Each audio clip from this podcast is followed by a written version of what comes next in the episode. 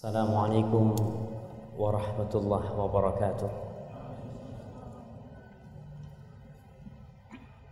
الحمد لله الذي بنعمته تتم الصالحات Segala puji bagi Allah Jalla Jalaluh Yang karena nikmatnya kebaikan-kebaikan menjadi sempurna Yang karena rahmatnya Niat-niat baik hamba dapat terlaksana.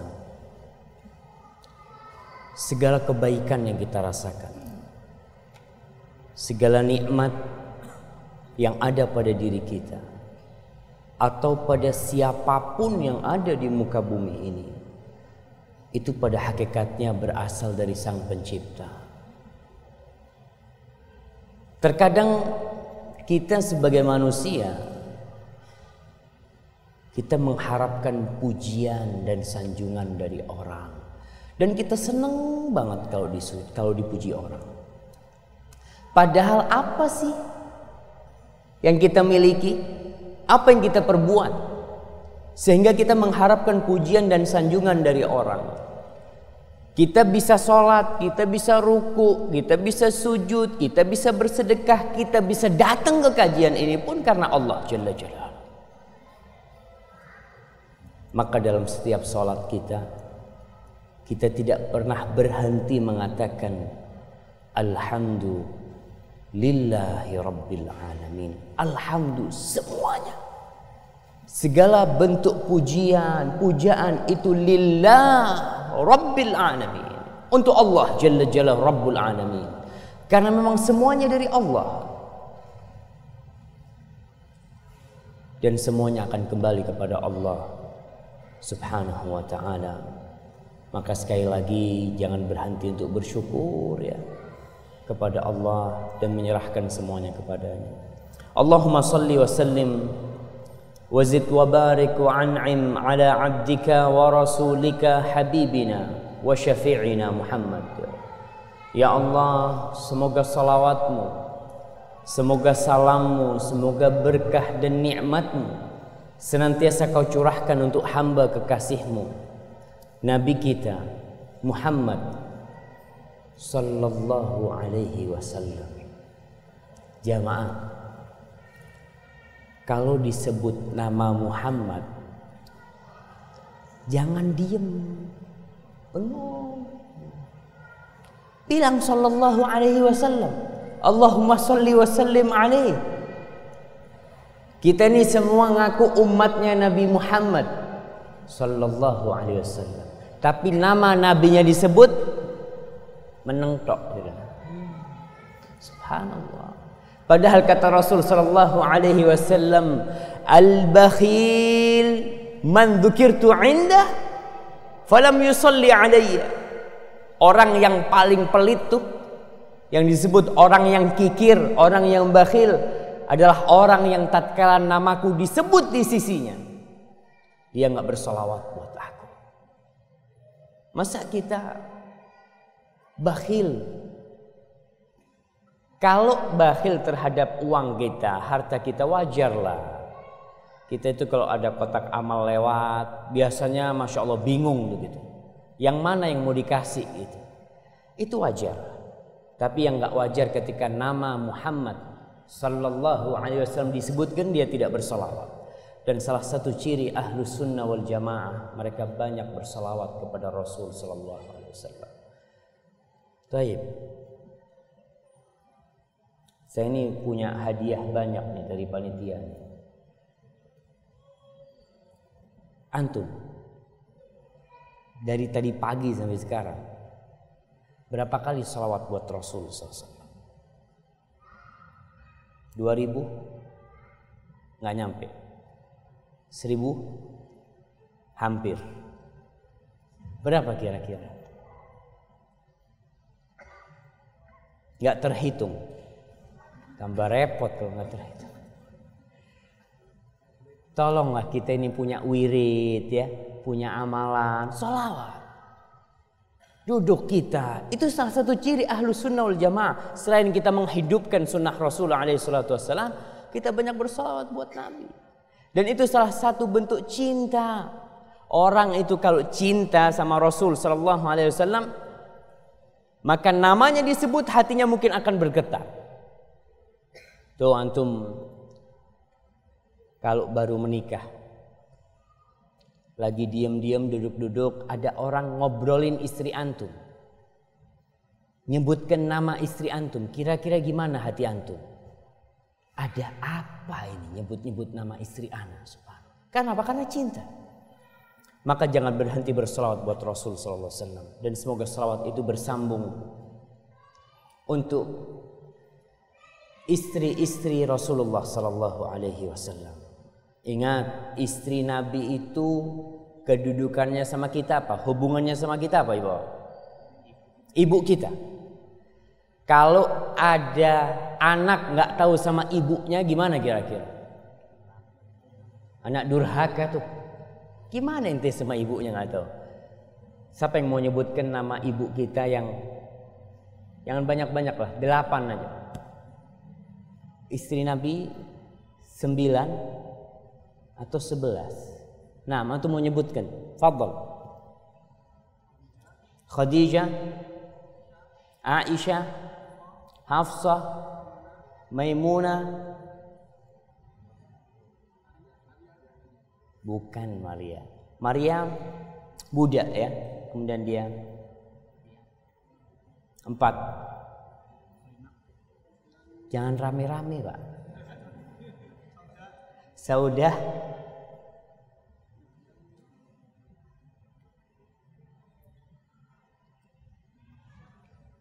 Masya. Sofia.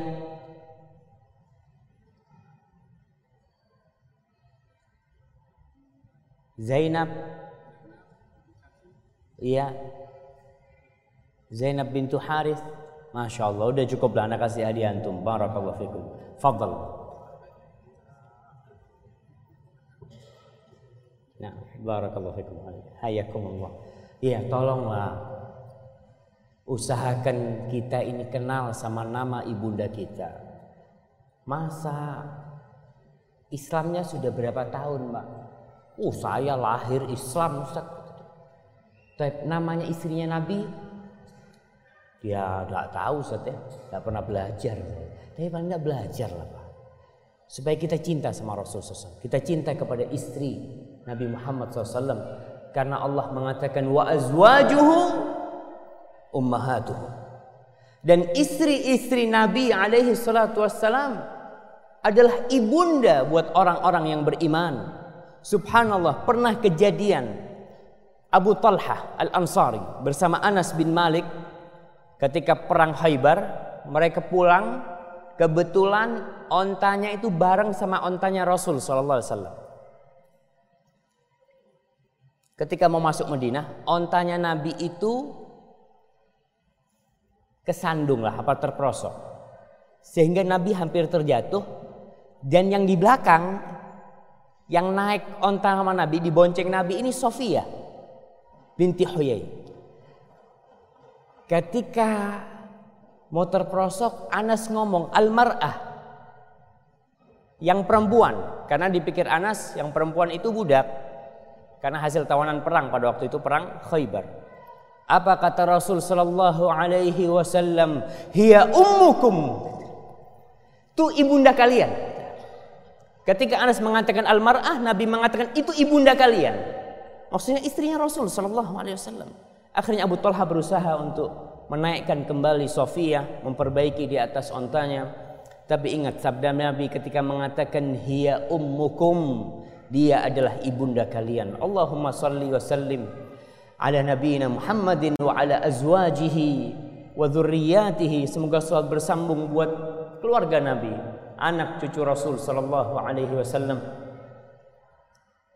dan untuk para sahabat Nabi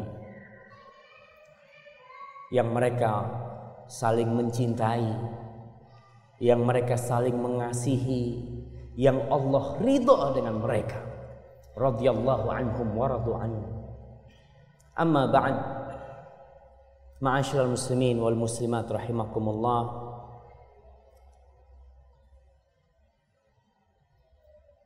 kita bisa kumpul di tempat ini.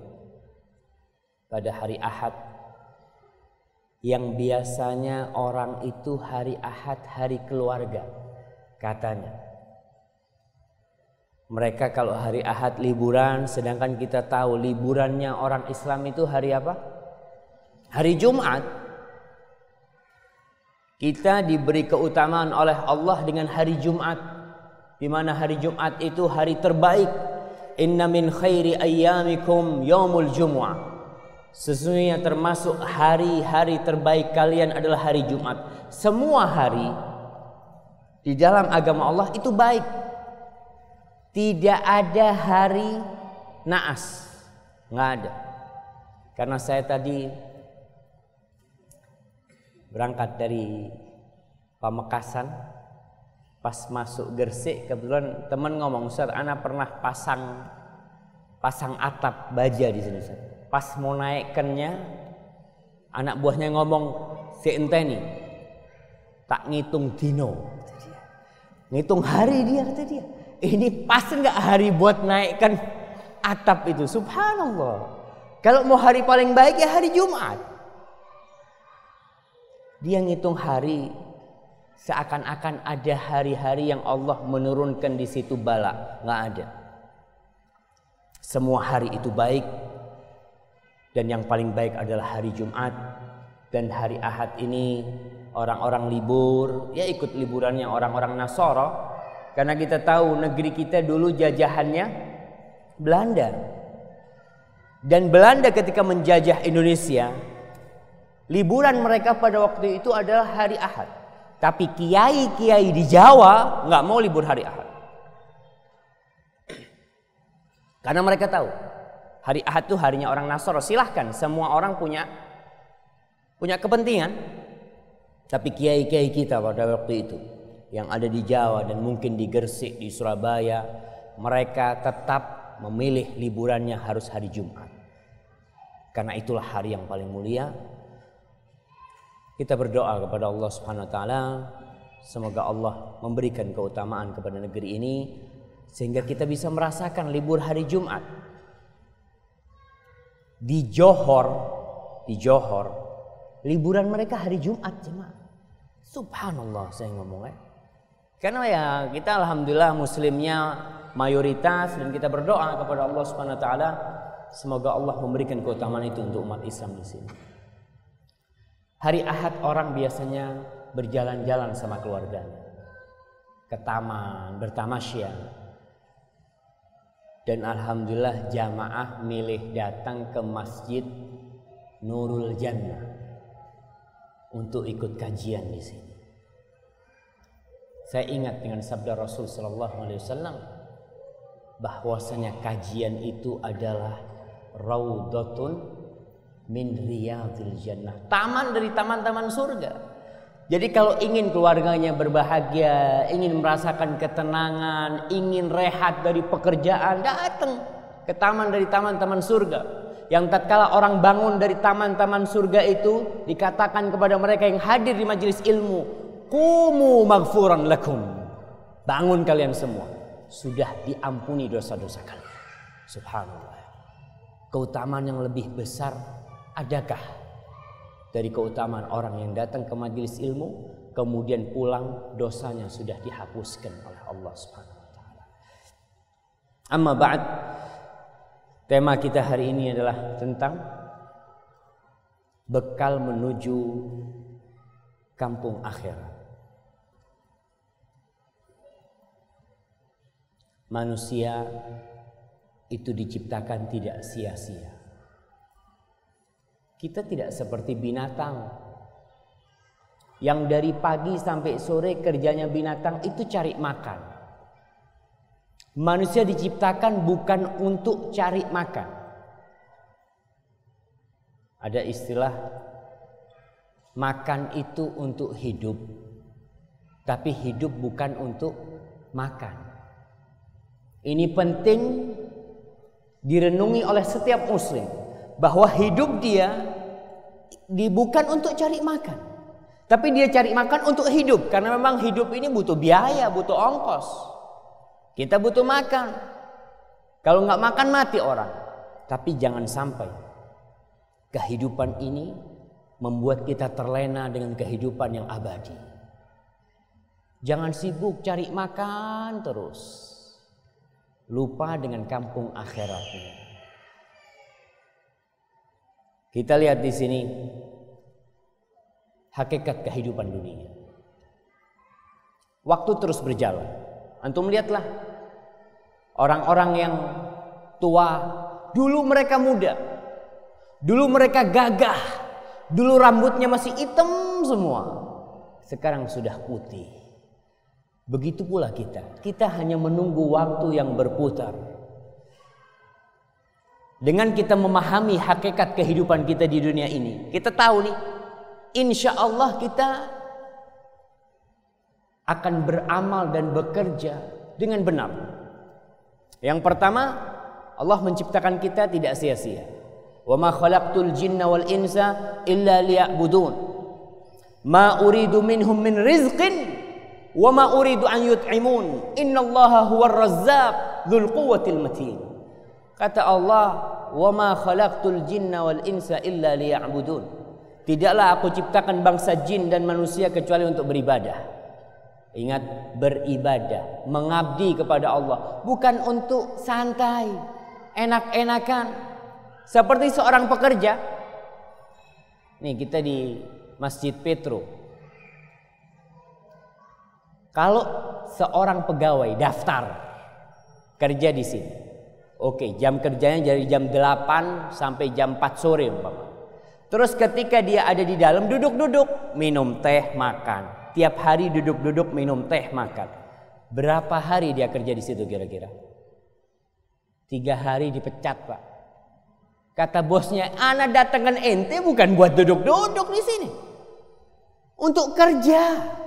Banyak orang yang nunggu maka dia akan bekerja ketika dia tahu betul anak datang ke sini untuk bekerja, untuk beramal.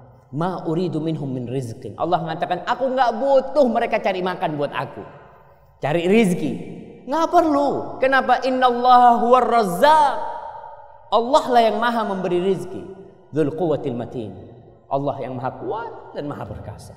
Jadi ma'asyiral muslimin rahimakumullah, itu penting sekali buat kita kalau kita tahu dengan hakikat diri kita, hakikat kehidupan ini, insya Allah kita akan tahu jalur yang benar. Apa yang harus kita lakukan? Apa yang harusnya kita perbuat? Yang pertama, tentang hakikat kehidupan dunia ini. Dunia ini hanya permainan sementara. Jangan serius Antum tahu dengan yang namanya permainan ada menang, ada kalah. Orang-orang yang main golf itu ketika dia main, ya udah ada menang, ada kalah. Tapi ingat, ketika permainan itu jangan lupa dengan yang hakiki.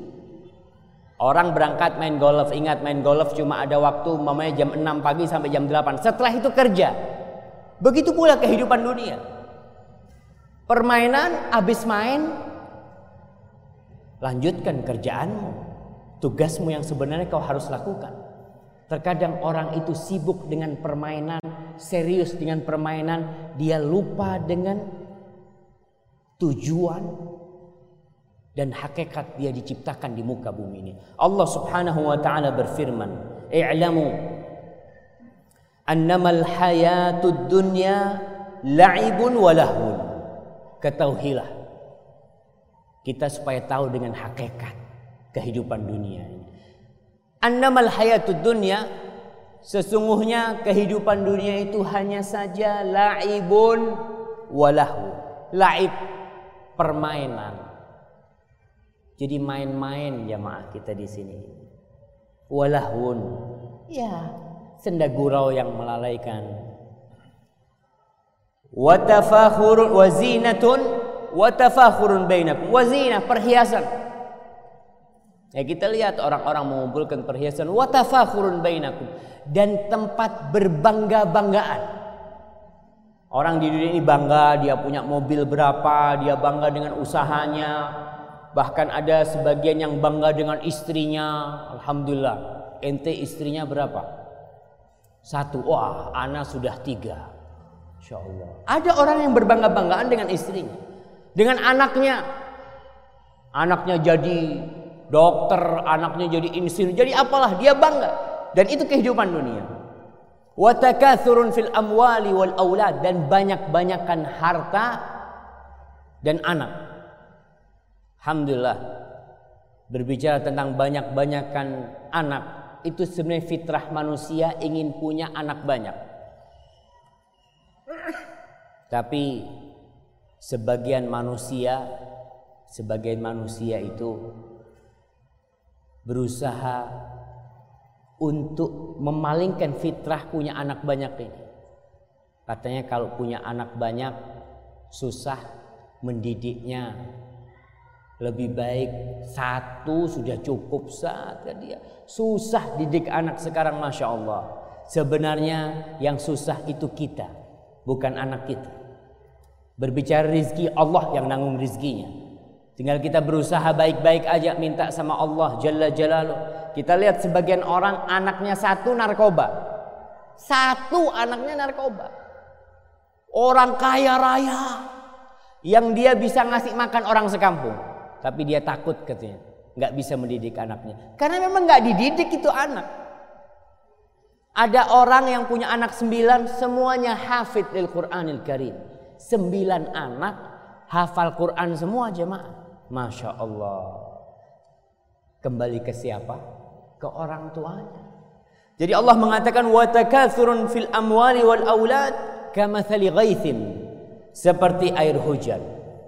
A'jabal kuffar nabatuhu. Yang air hujan itu kalau turun Masya Allah sekarang ini kita musim hujannya. Sebelum musim hujan kita lihat sawah-sawah kering semuanya.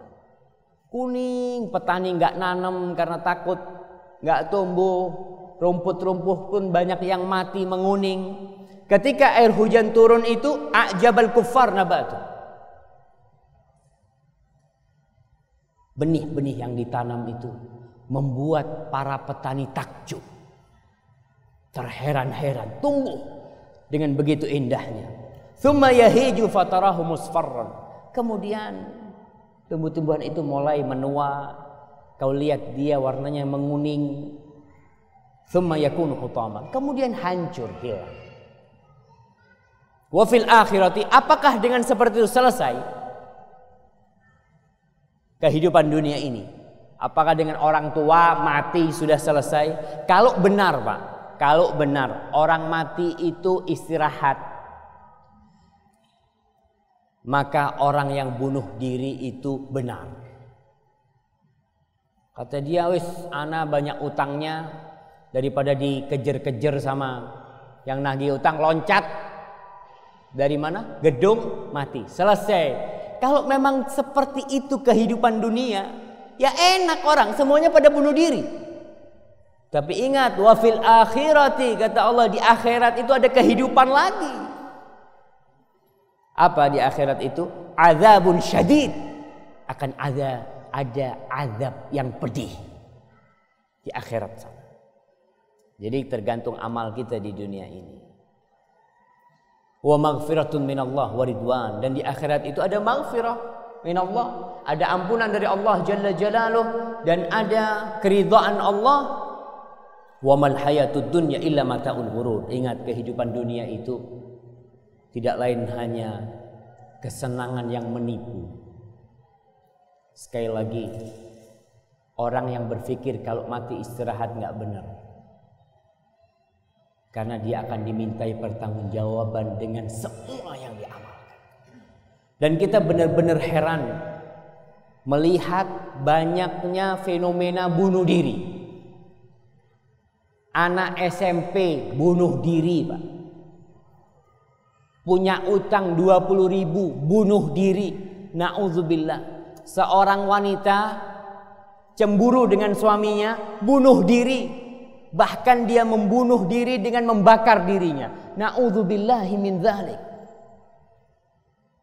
Ini semua terjadi karena dia tidak tahu dengan hakikat kehidupan dunia. Itu tidak usah serius kehidupan ini. Ada kehidupan yang lebih serius nanti. Di sini laibun walahun. Maka kalau engkau menghadapi sesuatu yang berat buat dirimu, ingat sesuatu itu akan hilang sebenarnya.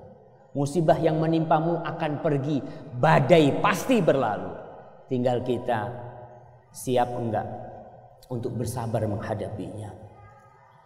Maka jangan perlu berantem, sibuk gara-gara dunia, saling hasut mereka, apalagi keluarga kadang kala nggak silaturahim gara-gara urusan dunia. Urusan berapa sih? Yang kedua, umur dunia ini nggak panjang, seperti umurnya jagung. Berapa lama jagung tumbuh? Empat bulan? Tiga bulan empat bulan? Panen. Berapa? Tiga bulan, Masya Allah. Lihat di ayat yang tadi dibaca di surat Al-Hadid. Ayat 20 itu Allah berfirman kama thali ghaithin a'jabal kuffar nabatuhu thumma yahiju fatarahu musfarran thumma yakunu hutam. Udah seperti turunnya air hujan, benih itu tumbuh, kemudian tua, menguning, dipanen habis. Itu kehidupan dunia. Itu umur dunia. Dari sejak diciptakan dunia sampai kiamat nanti. Apalagi umur kita yang cuma 60 atau 70 tahun. Allah Subhanahu wa taala berfirman tatkala kita semua mati kita digiring ke padang mahsyar. Allah mengatakan wa yauma nahsyuruhum dan pada hari kita mengumpulkan semua mereka di padang mahsyar itu ka'allam yalbathu illa sa'atan minan nahar yata'arafuna bainahum. Subhanallah. Seakan-akan kehidupan mereka di dunia itu hanya sesaat dari waktu siang hari ketemu, ngobrol, kenalan, selesai. Dan bayangkan berputarnya dunia ini begitu cepatnya. Kemarin yang masih muda sekarang udah tua, yang tua sudah mati. Dan Rasul sallallahu alaihi wasallam bersabda tentang umur kita, "A'maru ummati baina sittin wa ila sab'in." Kata Rasul wasallam, umur umatku itu antara 60 sampai 70. Wa aqalluhum man yajuzu dzalik. Dan sedikit yang bisa lewat 70 itu sedikit. Siapa yang umurnya lewat 70 di sini? Masya Allah. Yang 80 ada di sini? Saya kasih hadiah yang umurnya 80 nih. Masa nggak ada? Di sebelah sini Nggak ada. Langka orang yang umurnya 7, 80 ke atas itu langka. Kebanyakan sekarang subhanallah. 40, 50 sudah mati. Tapi ini peringatan buat orang yang umurnya 60. Berarti kalau sudah umurnya 60 itu sudah bau tanah. Karena Nabi mengatakan 60 sampai 7. Tapi ajal kita nggak tahu. Ajal itu kita nggak tahu. Kadang-kala kita lihat pohon mangga itu, pohon mangga yang ngembang, pentilnya kadang-kala jatuh duluan. Sampai ada yang sampai tua, ada yang pentilnya jatuh duluan. Karena seperti itu kehidupan masalah ajal ini. Tapi Nabi memberi penjelasan kepada kita, umur umat Nabi Muhammad itu antara 60 sampai 70, sedikit yang lewat. Jadi orang kalau sudah seumurnya 60 tahun, maka dia berpikir, Tinggal berapa tahun lagi hidup saya? Apakah bekal saya sudah cukup? Apa belum? Dan Rasul Shallallahu Alaihi Wasallam pernah pada suatu hari beliau tidur di atas tikar. Akhirnya ketika bangun itu membekas di punggungnya Nabi ya, bekas tikar itu ada garis-garis. Umar melihat ya Allah, kesian sama Nabi. Umar bin Khattab radhiyallahu taala anhu dia cinta sama Rasul sallallahu alaihi wasallam. Ketika dia melihat Nabi seperti itu, Umar mengatakan, "Ya Rasulullah, tuh kaisar Romawi dan Kisra di Persia, mereka bergelimang harta, bergelimang kemewahan sedangkan kau seperti ini hidupmu wahai Nabi katanya. Kau yang lebih berhak mendapatkan itu. Kemudian Nabi mengatakan kepada Umar bin Khattab, "Mali walid dunya." Ada apa aku sama dunia ini? Apa sih yang aku harapkan dari dunia ini? Nabi menjelaskan tentang hakikat dunia kepada Umar bin Khattab yang mungkin Umar ketika itu melihat orang-orang Romawi, orang-orang kaya yang hidup dalam kemewahannya, beliau mengatakan ma ana fid dunya illa karakibin istadalla tahta syajaratin thumma raha wa tarakaha. Aku itu di dunia ini, tinggal di dunia ini seperti seorang yang naik kendaraan di panas yang terik. Kemudian orang itu singgah di bawah pohon untuk mendapatkan naungan sejenak. Setelah itu pergi. Jadi dunia ini cuma terminal, Pak. Terminal untuk pindah kepada kehidupan yang lebih panjang. Maka ada apa kita sibuk-sibuk dengan sesuatu yang bakal kita tinggalkan? Gak lama.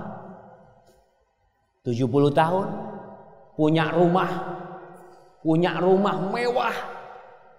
Umurnya sudah 50 tahun. Kira-kira berapa tahun tinggal di rumah itu? Berapa tahun jemaah? 20, 30. Setelah itu bakal diusir sama anaknya. Anak yang mencintai kita. Anak yang Masya Allah begitu senangnya dia punya bapak kita. Tapi ada satu masa dia akan mengusir kita. Dia akan lupa sama kita. Lupa kau nak rumah ini bapak yang bangun. Rumah ini sertifikatnya atas nama bapak, nggak ngurus pak. Bapak harus keluar dari rumah ini. Dibungkus bapaknya, digotong pak. Dibawa ke kuburan, diinjek-injek bapaknya. Subhanallah. Pernah ngeliat orang memakamkan kuburan, memakamkan jenazah. Anak itu menangis, tapi tangisan itu tetap membuat dia menginjak bapak. Diinjak-injak sampai tidak ada udara. Nggak boleh ada udara. Ditutup. Kira-kira ada anaknya yang mau tidur di kuburan. Selamat tinggal pak. Pulang ke rumahnya. Nangis seminggu, dua minggu, tiga minggu. Ya apa ini? Warisan nih. Lupa sama bapaknya. Warisan sekarang. Rumah ini mau jual atau dia apa? Mobilnya bapak. Subhanallah. Maka kenapa kita untuk yang sebentar itu kok serius banget? Tapi untuk yang akhirat kita terkadang lupa aja. Yang ketiga, hakikat dunia ini dia berputar. Nggak diem. Katanya seperti roda. Kadang di atas, kadang di bawah. Alhamdulillah. Kita lihat di dunia ini tidak ada yang nangis terus. Dan tidak ada yang tersenyum terus. Orang bagaimanapun bahagianya dia di dunia ini akan ada masa dia menangis. Pak. Pasti menangis. Sedih, ya. Kalau dia manusia. Karena yang bahagia terus cuma di surga Allah Subhanahu wa taala. Kalau di dunia ini antum lihatlah ketemu sohib pagi-pagi masih tertawa di sini, malam hari nangis. Kenapa? Bapaknya meninggal. Ibunya meninggal, nangis dia. Begitulah kehidupan dunia. Dan ingat lagi, antum kalau doa nih kalau bisa jangan doa minta panjang umur. Kenapa? Gak enak orang yang umurnya panjang.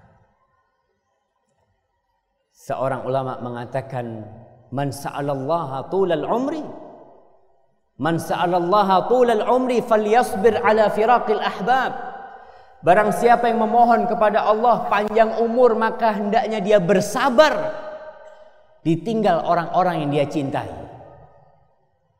Orang yang panjang umur itu akan banyak bersedihnya. Umpamanya yang umurnya 100 tahun, anaknya mati, sedih. Cucunya mati, sedih. Istrinya mati, sedih. Terus dia melihat orang yang seumuran dia sudah habis. Mau ngobrol sama orang udah nggak nyambung. Ya Allah kata dia. Itu orang yang minta panjang umur. Maka hendaklah dia memohon atau dia bersabar akan ditinggal orang-orang yang cintai. Seperti ini. Dunia itu berputar. Yang sekarang berhasil sukses. Suatu hari akan ada hari dia bersedih. Dia bangkrut. Dan kesedihan yang paling menyedihkan tatkala dia harus berpisah dengan dunia ini semua. Gak ada yang dibawa sama sekali. Maka nggak perlu antum serius lagi menghadapi dunia ini. Badai pasti berlalu. Ya tadi kita katakan kalau antum dapat musibah ditinggal orang yang dicintai, insya Allah seminggu dua minggu akan hilang. Dan itu salah satu nikmat lupa. Kita dikasih nikmat lupa. Kalau tidak hidup kita akan susah, merana. Seperti orang yang ingat terus ketika dia tabrakan, shock. Nggak berani naik motor lagi. Karena dia selalu ingat enggak naik motor nanti anak jatuh, naik motor oh, kejadian ini saya melihat orang tabrakan berdarah enggak, enggak berani semua. Tapi Allah memberikan nikmat lupa kepada kita sehingga kita bisa melupakan hal-hal yang menyedihkan hati kita. yang cantik, ibu-ibu yang sekarang umurnya 25, Masya Allah, wajahnya masih mulus, bening wajahnya. Berapa tahun tuh wajahnya akan bening terus? Nih kita lihat tanya sama bapak-bapak nih. Istrinya cantik berapa tahun pak? Sampai sekarang pak ya? Masya Allah. Nih kakek-kakek istrinya gimana? Masya Allah. Tetap kayak yang dulu pak? Kayaknya enggak pak. Kalau tetap enggak. Tapi inilah yang kita katakan. Ada cantik karena cinta. Ada cinta karena cantik. Jadi bapak udah cinta sama istrinya sampai sekarang pun tetap cantik istrinya. Tapi rambutnya sudah nggak hitam lagi. Sudah putih. Wajahnya Masya Allah mau pakai krim apa aja. Saya sering katakan mau pakai krim pagi, krim duha, krim siang, krim sore, krim habis isya, krim sholat tahajud, tetap keriput. Karena ini dunia. Gak bisa kita menolak yang namanya sunnatullah. Terkadang orang ada yang operasi ya, operasi ditarik lemaknya, disedot lemaknya, ya tetap untuk yang ini kau begitu seriusnya, untuk yang akhirat kenapa kau nggak serius? Seperti itulah.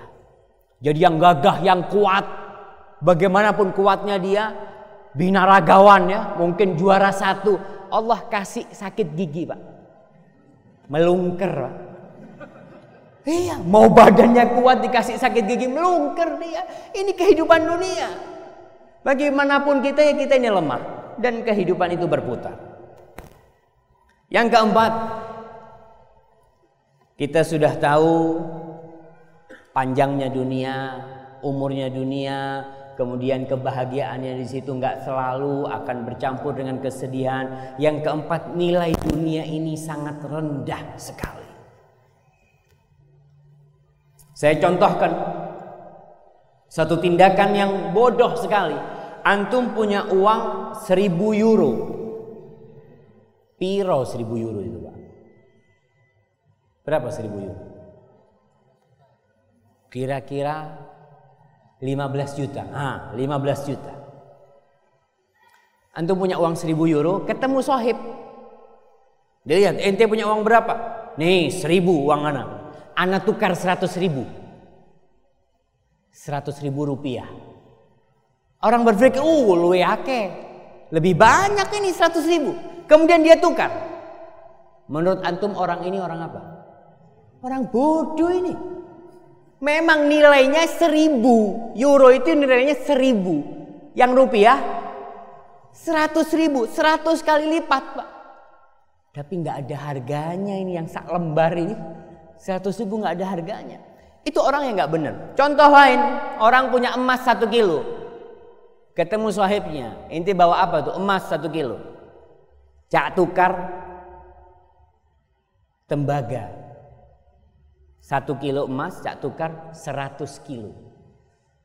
Ditimbang. Oh betul lebih banyak tembaganya. nggak apa-apa. Anak bawa pulang tembaganya. Orang bodoh apa enggak yang seperti ini? Orang yang bodoh. Dunia ini dibandingkan akhirat nggak ada apa-apanya. Kita lihat sabda Rasul Shallallahu Alaihi Wasallam ketika beliau memberikan contoh kepada kita supaya kita ini sadar tentang hakikat dunia ini. Beliau mengatakan, "Lau kanatid dunya ta'dilu 'inda Allah janaha ba'udah ma saqa kafiran minha syarbata ma kalau dunia ini nilainya tuh di sisi Allah setara sebanding dengan satu sayapnya nyamuk antum lihat nyamuk tuh pegang tuh kalau dunia dan isinya yang kalau bilang dunia dan isinya ini kita lihat gersik dengan perusahaannya yang menghasilkan miliaran. Kita lihat Surabaya, kita lihat Jawa yang tiap tahun menghasilkan triliunan. Kita lihat ini aja. Kemudian kita lihat dunia, semuanya itu Pak. Di sisi Allah, kata Allah, kalau ada nilainya senilai satu sayap nyamuk, Allah tidak akan kasih orang kafir seteguk air. Allah tidak akan memberi kepada orang-orang kafir yang tidak beriman kepada Allah seteguk air. Allah akan larang nih. Tapi ternyata kita lihat orang-orang kafir kok lebih kaya dari orang Islam. Sebagian orang mengatakan Ustadz, anak ini sejak ngaji, sejak tahu sunnah tambah susah. Dia berpikir kayak gitu. Cari kerjaan tambah susah, Padahal sholat tahajud Ustaz nggak berhenti-berhenti. Dia lupa bahwa saya sholat tahajud itu lebih baik dari dunia dan isinya. Dia hitungannya kan dunia. Rasul Shallallahu Alaihi Wasallam mengatakan, Inna Allah yu'ti dunya man yuhib wa man la yuhib. Allah itu membagi dunia ini. Dunia ini Allah kasih kepada orang yang dia cintai dan orang yang tidak dia cintai. Orang Islam, orang kafir, urusan dunia Allah kasih sama. Walakin la yu'til iman illa man yuhib. Tapi kalau iman Allah tidak berikan kecuali kepada orang yang Allah cintai. Kau bisa sholat malam itu nikmat dari Allah Subhanahu wa taala. Pernah ada seorang ceritakan dia datang kepada Hasan al Basri. Orang ini mengatakan, mahurim tu Aku ini bingung kata orang itu. Aku ini kemaksiatan jalan. Namanya kemaksiatan udah semuanya sudah aku lakukan. Tapi rezekiku lancar. Enggak ada, aku tidak dihalangi dari nikmat dunia sama sekali. Semuanya ada. Mungkin dia punya mobil kalau sekarang ya, dia punya rumah, apa saja yang dia mau bisa dia dapatkan. Ditanya oleh Hasan al-Basri. Hal taqumul lain? Saya mau minum dulu nih, Pak. Bismillah.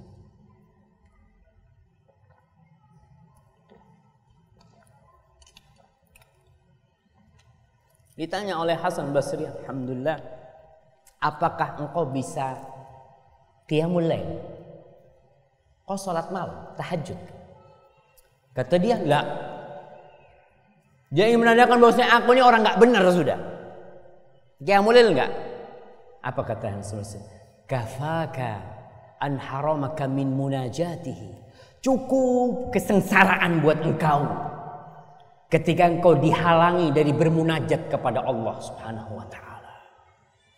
Nikmat yang besar tatkala seorang hamba bisa dekat dengan penciptanya. Kita ini kalau dekat sama gubernur ya, dekat sama presiden, seneng nggak? Seneng. Bagaimana seorang yang diharamkan untuk dekat dari Rabbul Alamin. Diharamkan dia dari bisa mendekat dan mendengar serta memohon kepada Allah Subhanahu wa taala. Cukup itu kesengsaraan jemaah. Karena dunia ini nggak ada artinya. Berapa yang kau miliki pun ada artinya di sisi Allah Subhanahu wa taala. Tapi nikmat iman gak sebanding. Sampai dikatakan oleh para ulama, "Lau alimatil muluk wa abnaul muluk ma nahnu fihi minas sa'adah lajaladuna 'alaiha bisuyuf. Andai kata raja-raja dan anaknya raja, pejabat-pejabat dan anaknya pejabat itu tahu dengan kebahagiaan yang kita rasakan di hati kita, pasti mereka akan berusaha mengeluarkannya dengan pedang. Karena mereka tidak mendapatkannya. Oke mereka dapat dunia, apa artinya dunia ini? Jadi ingat, dunia itu tidak sebanding dengan satu sayap nyamuk di sisi Allah Subhanahu wa taala. Rasul sallallahu alaihi wasallam ketika memberikan permisalan-permisalan ingin kepada sahabatnya untuk melihat dunia dengan nyata bahwasanya dunia ini nggak ada artinya. Pernah suatu hari beliau lewat pasar di Aliyah kota Madinah itu di pasar itu ada bangkai anak kambing yang cacat kupingnya itu kecil dikatakan cacat Kemudian Rasul Shallallahu Alaihi Wasallam memegang kupingnya, disaksikan oleh para sahabat. Beliau mengatakan ayyukum yuhibbu an yakuna hadza lahu bidirhamin. Siapa yang mau memiliki bangkai kambing ini dengan bayar satu dirham? Biasanya kambing itu harganya 5 dirham, ya 10 dirham. Nabi tanya tuh, siapa yang mau? Ini satu dirham, nggak mahal. Apa kata para sahabat? Ma nuhibbu annahu lana bi syai' wa ma nasna'u bihi. Kita gratis nggak mau. Gratis dikasih gratis bangkai ini nggak mau kita. Buat apa? Apa kata Rasul SAW? Rasul mengatakan atuhibbunahu annahu lakum. Kalian mau benar itu jadi milik kalian? Apa kata para sahabat? Wallahi demi Allah Lau kana hayyan kana aiban. Kalau dia itu hidup bukan bangkai, dia binatang yang cacat. Annahu asak itu kupingnya kecil. Fa kaifa wa huwa mayit. Apalagi dia mayit, siapa yang mau? Dikasih gratis nggak mau. Apa kata Rasulullah SAW? Fa wallahi la dunya ahwanu 'ala Allah min hadza 'alaikum. Demi Allah, dunia ini dan isinya semua itu lebih rendah di sisi Allah seperti rendahnya ini, rendahnya binatang bangkai ini buat kalian. Kalian nggak mau dikasih gratis. Maka kenapa kita ini rebutan dunia? Dari pagi sampai sore berusaha mencari dunia. Yang kelima, hakikat dunia ini, dunia adalah penjara dan tempat pengasingan. Kita diasingkan di sini. sini. Bapak kita Adam di mana tempatnya? Di surga. Saya pernah berjumpa dengan seorang syekh, dia cerita. Syekh itu sudah keliling dunia. Udah sampai ke Indonesia, sampai ke Eropa, sampai ke Afrika, ke Amerika, ke Australia, udah keliling dunia. Ketika kita lagi ngobrol sama dia, kita masih ngomong, Syekh, tolonglah kita dikasih faedah. Apa faedah setelah kau keliling dunia ini apa faedah yang bisa kau berikan kepada kita? Dia mengatakan, yang aku lihat bahwasanya manusia ini tidak ada puasnya di muka bumi ini. Berjumpa dengan orang-orang yang kaya raya, tapi ternyata nggak puas-puas. Yang sudah memiliki semuanya, mungkin penghasilannya subhanallah. Ada orang itu yang penghasilannya sehari satu M, Pak. Percaya enggak? Banyak. Tapi dia pun apa cukup dengan satu M itu? Enggak cukup. Dia mengatakan, kenapa kok orang di dunia ini enggak ada puasnya? Karena kita ini bukan penduduk di dunia sini. Kita bukan penduduk di sini. Kita adalah penduduk surga aslinya. Bapak kita di surga. Allah memerintahkan Adam Wa qulna ya Adam uskun anta wa zaujukal jannah. Ya Adam tinggallah engkau bersama istrimu di surga. Tuh. Tapi gara-gara satu dosa, satu dosa saja. Adam dikeluarkan dari surga. Diturunkan ke dunia ini. Kalau satu dosa keluar dari surga, apa kira-kira bakal balik ke surga dengan seratus dosa? Satu dosa dikeluarkan dari surga. Kita ini sekarang banyak dosanya, kira-kira bisa balik ke surga. Allah Akbar. Berat kalau kita berpikir seperti itu. Kita di tempat pengasingan sekarang. Kita tidak akan puas sampai kembali ke surga. Di situlah kehidupan yang sebenarnya, tempat kita yang sebenarnya. Dan kita harus berusaha untuk kembali ke surga Allah Subhanahu wa taala. Maka Rasul sallallahu alaihi wasallam memisalkan dunia ini, beliau mengatakan ad-dunya sijnul mu'min wa jannatul kafir. Sijnul mu'min wa jannatul kafir. Dunia itu sijin penjara buat orang yang beriman dan surga bagi orang-orang kafir. Gimana? Kok bisa? Padahal di dunia ini ada orang-orang Islam yang kaya raya. Ada orang-orang non-muslim yang miskin, yang melarat. Tapi tetap Nabi mengatakan dunia ini sijinul mukmin, penjara. Karena kalau dibandingkan dengan kenikmatan yang ada di surga Allah SWT, maka di sini dia di penjara. Orang di penjara itu nggak boleh ini, ini haram, itu haram. Saya mau tanya, yang haram lebih banyak apa yang halal? Apa? Yang haram itu sebenarnya sedikit, tapi kita itu seneng sama yang haram. Jadi kalau ada orang ngomong haram, ente semuanya haram. Ini haram, itu haram enggak. Yang haram itu sedikit, sabu-sabu, minuman keras ya. Yang seperti itu haram. Yang halal banyak. Nasi kerawu halal, nasi rawon halal, nasi itu halal semuanya. Antum tinggal pilih tuh yang haram ya babi haram, bangkai haram, yang yang binatang-binatang buas haram, yang lainnya halal. Tapi sekali lagi kita ini senang sama yang haram-haram. Itu seperti di penjara kita ini banyak aturan, nggak boleh ini, nggak boleh itu. Seorang mukmin. Sedangkan orang kafir semuanya diterabas. Maka kalau dia melihat kepada siksa yang akan dia terima di akhirat nanti, sekarang dia berada di surga. Walaupun hidupnya melarat. Kita udah tahu dengan hakikat kehidupan dunia. Siapa yang mau menyebutkan buat saya hakikat kehidupan dunia tadi yang lima saya kasih hadiah. Jangan nyontek tapi Nah, fadol. Silakan. Permainan. Waktunya sebentar. Nilainya rendah. Nggak apa-apa. Berputar. Nah. Kita di tempat pengasing penyiar barakallahu fikum. Fadl. Sik tunggu ono sing cek. Nah barakallahu fikum. Nah. Tuh hakikat kehidupannya. Kita ingat. Ketika kita kerja ketika kita kena musibah ketika kita beribadah kita tahu ah kehidupan dunia kayak gini.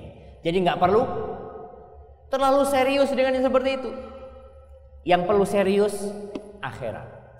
Itu perlu serius. Kita lihat hakikat akhirat. Di akhirat itu ada dua hal.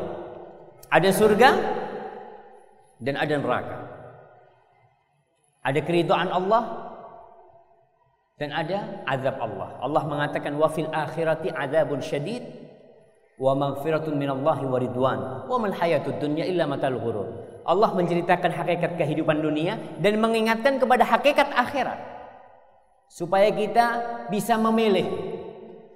Faman syaa'a falyu'min wa man syaa'a falyakfur. Kita ini bebas. Antum mau milih mana? Di depannya ada buah apel, di depannya ada buah durian. Di depannya ada buah apa lagi yang tidak enak, Pak? Buah yang nggak enak itu buah apa? Buah apa? Juwet. Enak juwet, Pak. Masya Allah. Ada yang pahit-pahit itu. Orang tinggal milih. Ente mau yang mana fadol? Yang mau beriman silahkan, yang mau kafir silahkan. Allah memberikan kebebasan kepada kita. Tapi ingat, wa fil akhirati adzabun syadid Wa maghfiratun minallahi wa ridwan. Di akhirat itu adab, ada adab yang pedih atau ada karunia Allah Subhanahu wa taala dan keridhaannya. Bayangkan kalau tadi hakikat kehidupan dunia cuma sebentar. Seperti orang ngobrol, ya kita kajian seperti nah terus pisah semuanya. Seperti itu kehidupan dunia. Adapun kehidupan di akhirat, di sana itu azabnya nggak berhenti, nikmatnya juga nggak putus-putus. Satu hari sama dengan seribu tahun. Satu hari sama dengan seribu tahun. Allah subhanahu wa ta'ala berfirman wa inna yawman inda rabbika ka alfi sanatin mimma ta'udun sesungguhnya satu hari di sisi Allah tuh nanti di akhirat tuh sama dengan seribu tahun perhitungan kalian di dunia kita hidup cuma 60-70 tidak sampai sehari Berapa menit kalau dibandingkan dengan sehari di akhirat. Kemudian di ayat lain Allah mengatakan ta'rujul malaikatu warruhu ilaihi fi yaumin kana miqdaruhu khamsina alfasana. Malaikat-malaikat dan Jibril naik menghadap kepada Tuhannya dalam sehari yang kadarnya 50 ribu tahun. Jadi ada sehari di akhirat itu yang seribu tahun dan ada sehari yang sama dengan 50 ribu tahun. Dikatakan 50 ribu tahun itu pada hari kiamat. Awal kehidupan akhirat itu seperti 50 ribu tahun. Apa sebanding 100 tahun di dunia itu dengan satu hari di akhirat. Waktu kita lihat sekarang nikmatnya. Bagaimana nikmat di akhirat itu? Allah Subhanahu wa taala berfirman. Coba kita lihat nih firman Allah Subhanahu wa taala. Orang itu ada yang mengatakan surga yang disebutkan di Al-Quran itu surganya orang Arab. Surga yang disebutkan di Al-Quran surganya orang Arab. Kenapa? Ya itu sungai-sungai, kebun, buah-buahan. Bagaimana menjawabnya, Pak? Saya kasih aja yang bisa jawab. Sabar. Benar surganya orang Arab. Yang disebutkan di Al-Quran tentang surga ini bukan cuma orang Arab yang senang. Orang Indonesia, kita lihat yang di Jakarta. Kalau hari Sabtu Minggu ke mana? Ke puncak. Orang Jakarta yang di depannya ada sungai Ciliwung, dia lihat itu ya, tiap hari mungkin yang ada pohon mangga, tapi tetap dia itu senang dengan yang namanya taman-taman yang indah. Apalagi ada sungai berjalan di depannya, masya Allah. Itu semua manusia fitrahnya. Jadi bukan hanya orang yang hidup di padang pasir, orang yang hidup di Indonesia yang hijau seperti ini pun suka dengan taman-taman, buah-buahan, apalagi dengan masya Allah istri-istri yang cantik-cantik, bidadari-bidadari, itu semuanya suka. Maka kalau dia mengatakan surganya surganya orang Arab nggak benar. Semua orang suka dengan yang Allah sebutkan. Apalagi Allah sediakan di akhirat mala ainun ra'at. Yang tidak pernah dilihat sama mata. Wala udhunun sami'at yang nggak pernah didengar. Gimana hakikat nikmatnya itu? Wala khatar ala qalbi bashar Hati manusia pun tidak pernah terbetik dengan hakikat bagaimana nikmat di surga Allah Subhanahu wa taala. Allah berfirman, "Mathalul jannati allati wu'idal muttaqun." Permisalan surga yang dijanjikan kepada orang-orang yang bertakwa. Ingat surga buat orang-orang yang bertakwa.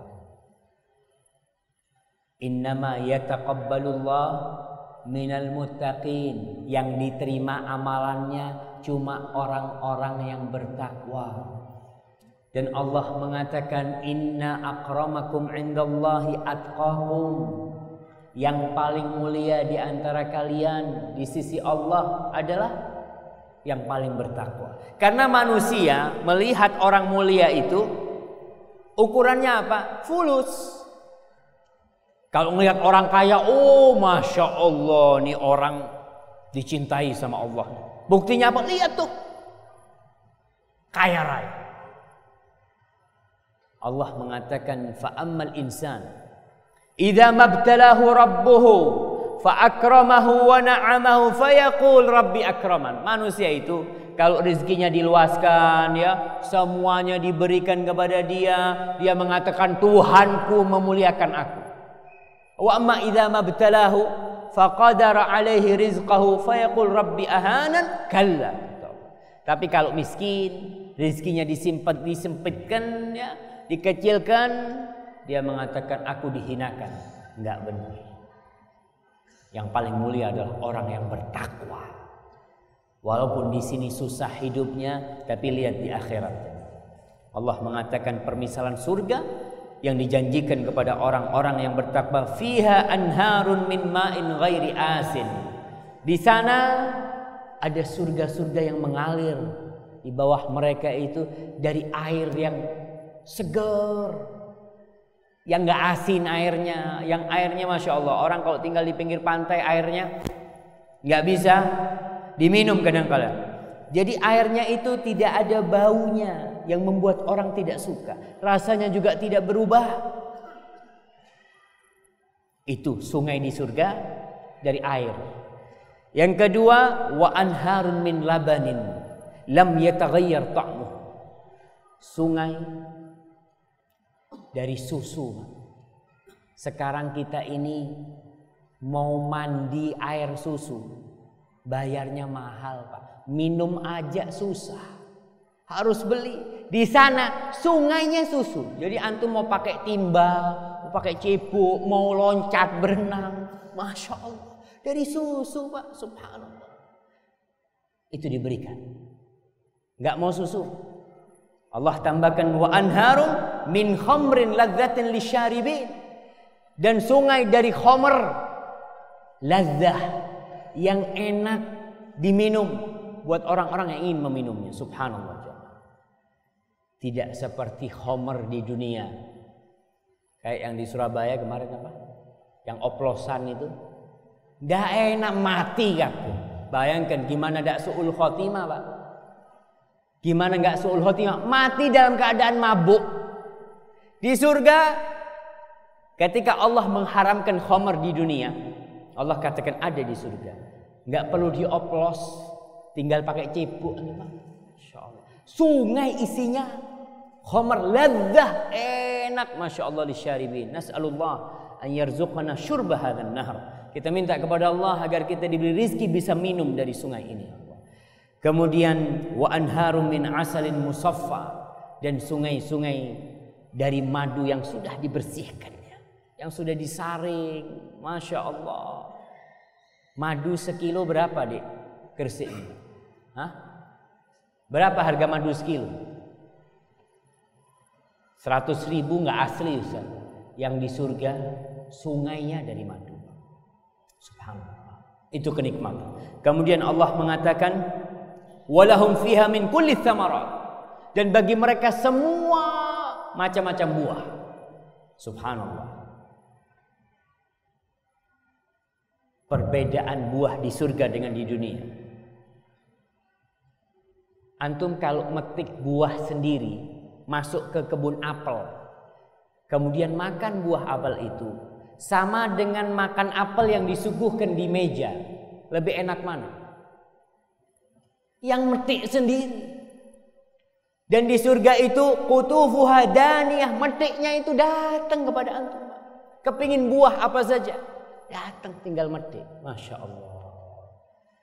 Apa di dunia bisa kita seperti itu? Duduk orang kaya ya, orang kaya sudah uangnya satu triliun. Bisa dia duduk gini, kemudian dia kepingin sama buah apel, apelnya datang sendiri.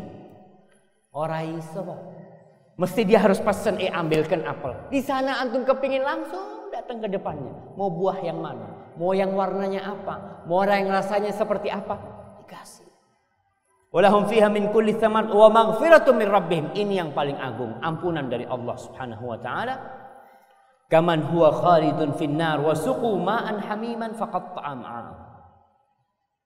Apakah sama dengan orang yang kekal di neraka? Dan dia itu diberi minuman dari air yang panas yang membuat ususnya itu terputus semua. Maka tentunya tidak sama dengan yang seperti itu. Dan Rasul sallallahu alaihi wasallam bersabda, "La maudhi'u sauti ahadikum." Tempat pecut. Mungkin di Gersik sini sudah jarang pecut. Yang banyak di mana pecut? Di Madura tuh, orang jualan pecut-pecut itu ya. La maudhi'u sauti ahadikum. Tempatnya pecut, tempat naruh pecut itu. Kata Rasul sallallahu alaihi wasallam, "Fil jannah" di surga itu tempat yang sedikit itu khairun minad dunya wa ma fiha. Lebih baik daripada dunia dan isinya. Tempat pecutnya tok. Maka kalau tempat cambuk di surga itu lebih baik dari mobil kita, Pak. Antum punya mobil umpamanya Alphard yang harganya 1 M atau punya mobil apalah Lamborghini apa Lamborghini yang harganya berapa M itu dibandingkan dengan tempat pecutnya di surga lebih bagus daripada lebih bagus tempat pecut itu daripada mobil dia lebih bagus daripada rumah kita, daripada pekarangan kita, daripada tanah kita. Itu tempat pecut di surga lebih baik dari itu. Apalagi yang lainnya tentunya. Adapun azab. Bagaimana azab di akhirat itu? Kita ini kalau tahu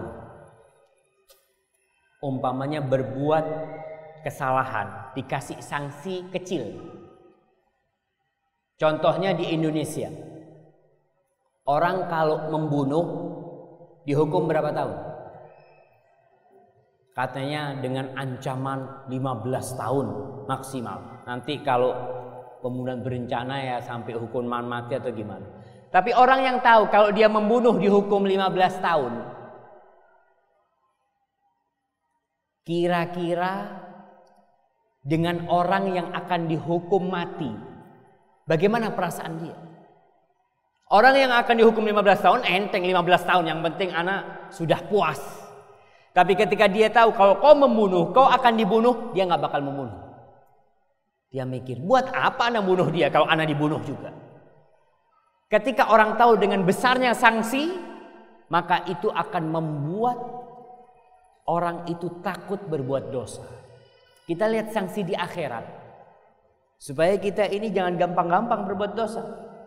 Kata Allah Jalla Jalaluh, "Innal ladzina kafaru bi sawfa nusrihim nara kullama nadijat juluduhum baddalnahum juludan ghairaha liyadhuqul adzab innallaha kana azizan hakim." Kata Allah Subhanahu wa taala, sesungguhnya orang-orang yang kafir kepada ayat-ayat kami kelak akan kami masukkan mereka ke dalam neraka. Orang kebayang neraka, kita kadang-kadang nggak takut. Nih Allah sebutkan, setiap kali kulitnya matang, Allah ganti dengan kulit yang baru. Kenapa? Liyadzukul azab. Agar mereka merasakan azab. Sebagian orang-orang yang tidak beriman, mereka berpikir atau mereka membuat pernyataan, orang itu kalau di neraka lama nanti akan kebal. Karena dibakar terus dalam kondisi itu kebal dia. Tapi Allah katakan kullama nadijat juluduhum. Setiap kali mateng kulitnya diganti kulit yang baru. Diganti kulit yang baru. Kenapa? Agar mereka merasakan azab Allah Subhanahu Karena memang kalau kulitnya hilang, kulit ini tempat merasakan sakit. Kelak seperti itu di akhirat nanti azab. Kemudian Allah mengatakan innal mujrimina fi azabi jahannam khalidun. Sesungguhnya orang-orang yang mujrim, orang-orang yang berdosa itu kekal di dalam azab neraka jahannam. Kekal selama-lamanya. La yufattaru anhum wahum fihi mublisun. Tidak diringankan azab itu dari mereka dan mereka di dalamnya berputus asa. Enggak ada apa istilahnya kalau di Indonesia? Amnesti. Apa? Remisi ya, remisi nggak ada di sana.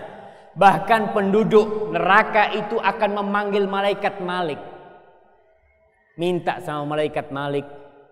Wa qalu wa nadau ya Maliku liyaqdi alaina rabbuk.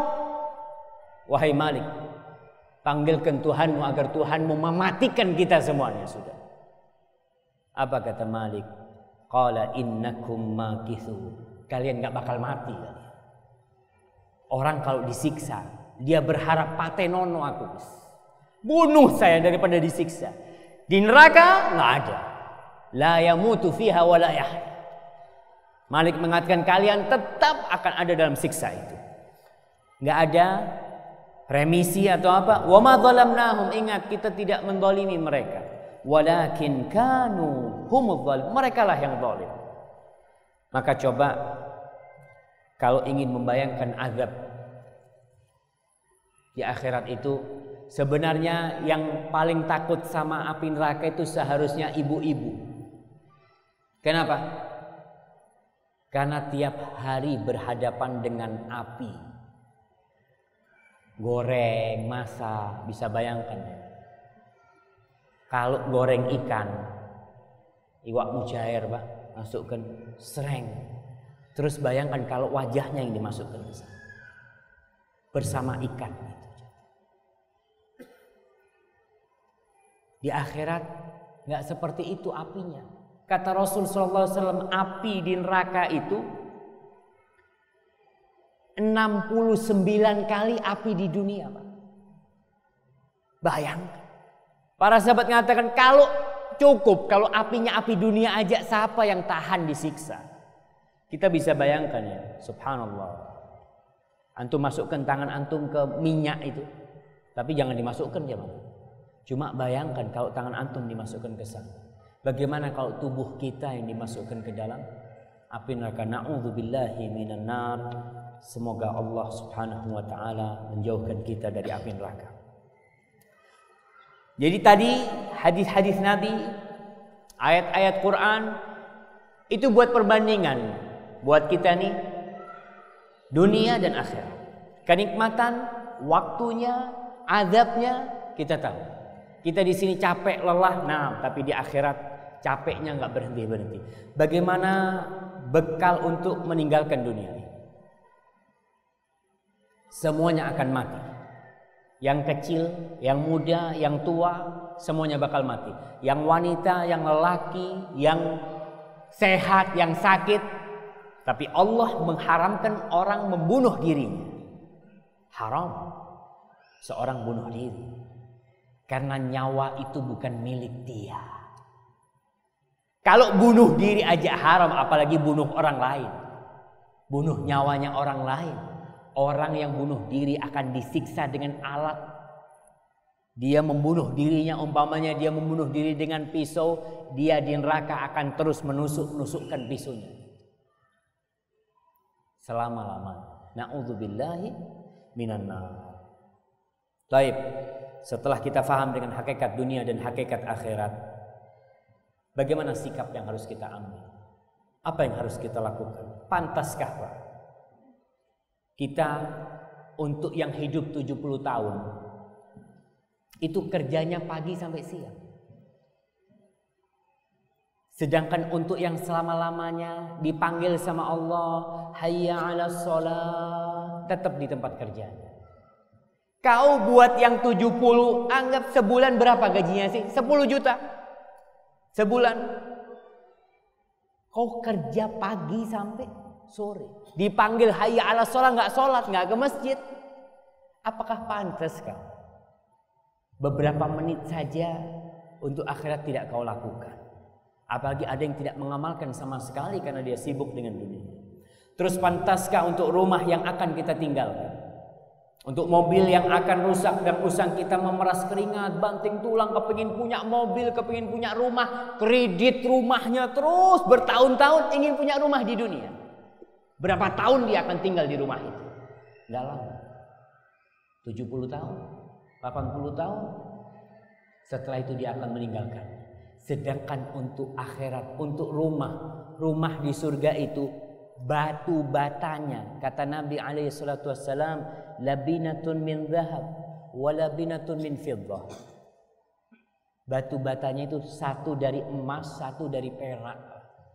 Kita untuk itu apa yang kita amalkan? Subhanallah. Apakah pantas untuk kehidupan yang abadi kita itu sekolah ngaji seminggu sekali? Tapi untuk dunia yang bakal ditinggalkan pasti dia tinggalkan. Kita lihat anak-anak kita. Kita semangat menyekolahkan anak kita SD berapa tahun? 6 tahun. SMP 3 tahun, SMA 3 tahun. Untuk apa? Untuk supaya Ustadz dia kalau lulus nanti dapat pekerjaan. Di mana? Di dunia. Adakah bapak yang berpikir, ibu yang berpikir, ketika dia menyekolahkan anaknya dia berpikir, kenapa kau sekolahkan anakmu? Saya kepingin Ustadz anak saya ini masuk surga Ustadz. Nggak apa-apa susah di dunia nggak apa-apa. Yang penting bagaimana dia masuk surga. Pemikiran ini akan mendorong kita untuk berbuat untuk akhirat kita. Sekali lagi kita lihat banyak ibu nih ibu-ibu dengerin bu. Ibu-ibu kadang kala anaknya subuh nggak dibangunin. Kenapa? Kesian masih kecil. Insya Allah. Tapi untuk sekolah SD atau TK dibangunin nggak? Uh, dioyak-oyak. Nanti ketinggalan ini, nanti nggak naik, nanti disetrap. Subhanallah. Untuk yang dunia kau begitu semangatnya. Untuk yang akhirat males. Karena apa? Karena iman.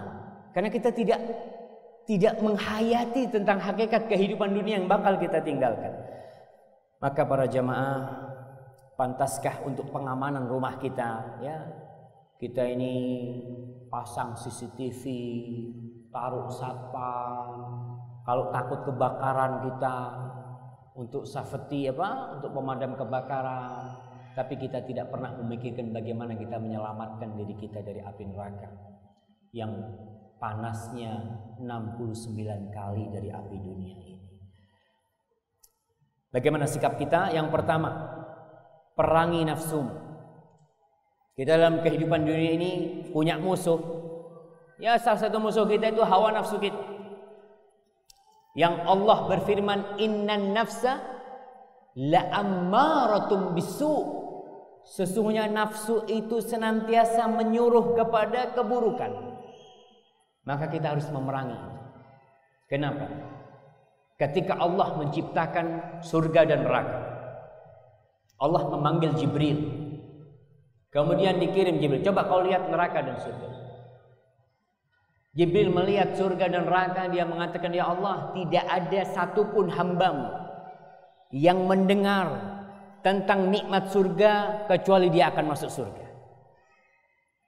Dan tidak ada satupun hambamu yang mendengar tentang neraka, niscaya dia akan jauh dari api neraka. Karena dia tahu siksanya api neraka. Kemudian Jibril dikirim lagi untuk melihat. Surga itu dikelilingi, dipagari dengan makarih. Dengan yang susah-susah.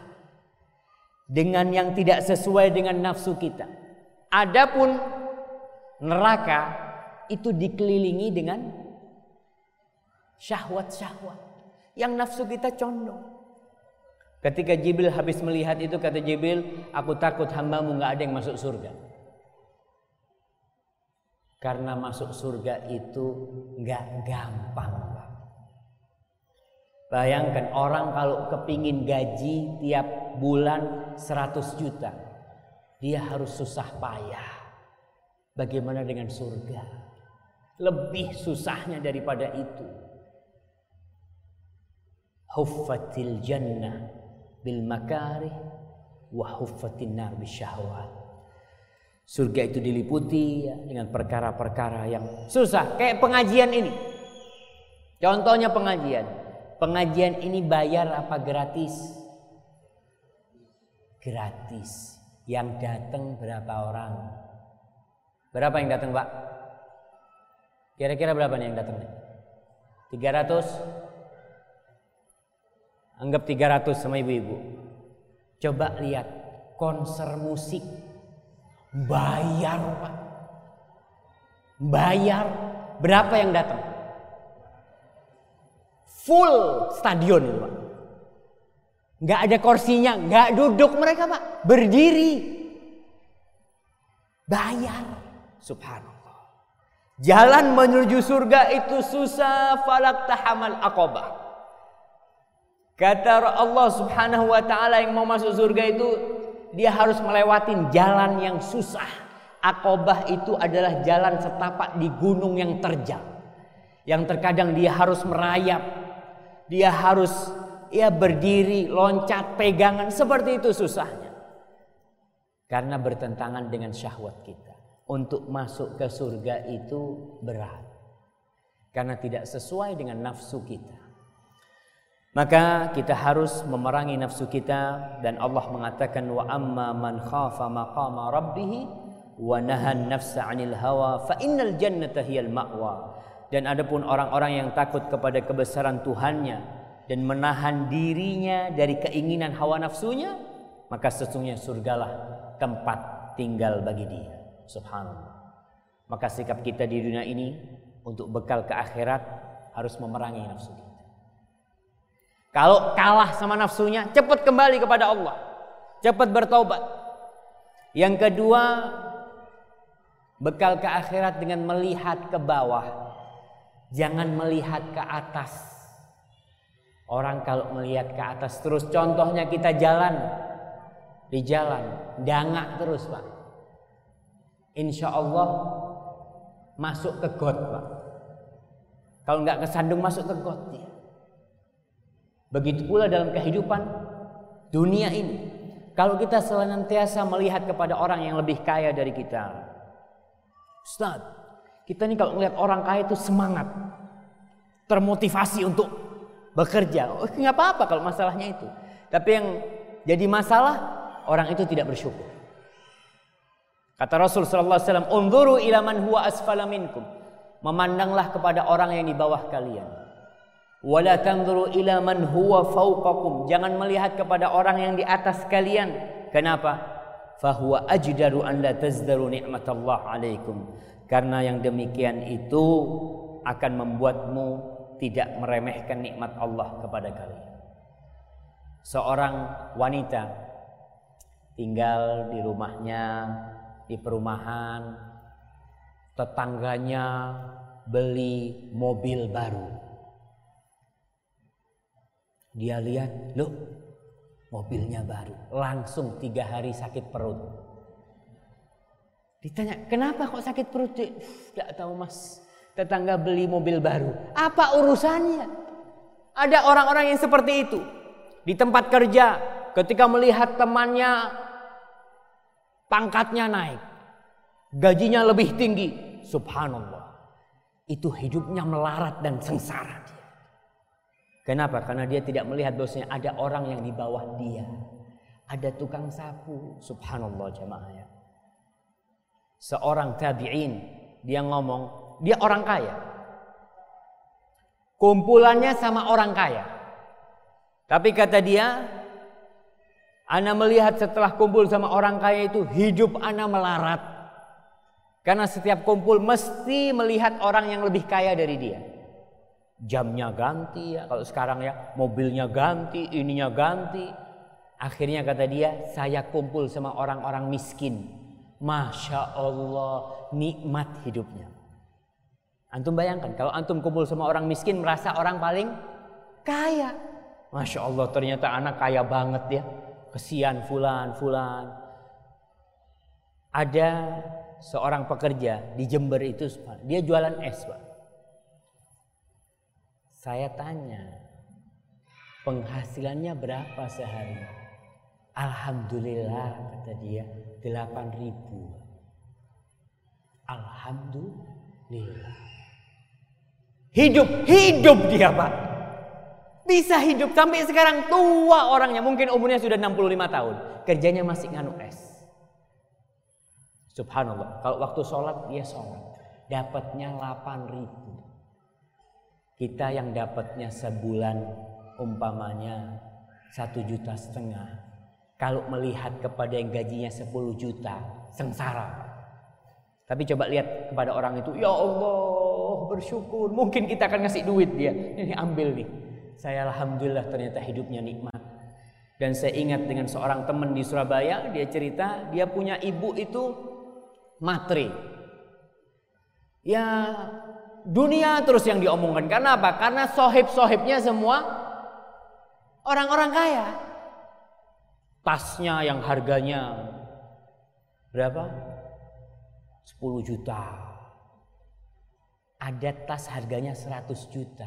Saya lihat subhanallah. Oh, no yang beli. Kalau kumpul seperti itu, kita bawa tas, loh, malu disingit no tasnya. Dengan orang-orang seperti itu, dia punya ibu materi, subhanallah, karena dia ingin memberikan nasihat kepada ibunya. Suatu hari dia bawa ibunya ke tempat sohibnya. Sohib, sohibnya dia ini tukang becak. Tukang becak habis maghrib dia berangkat mi, ayo mi ikut mi kata dia.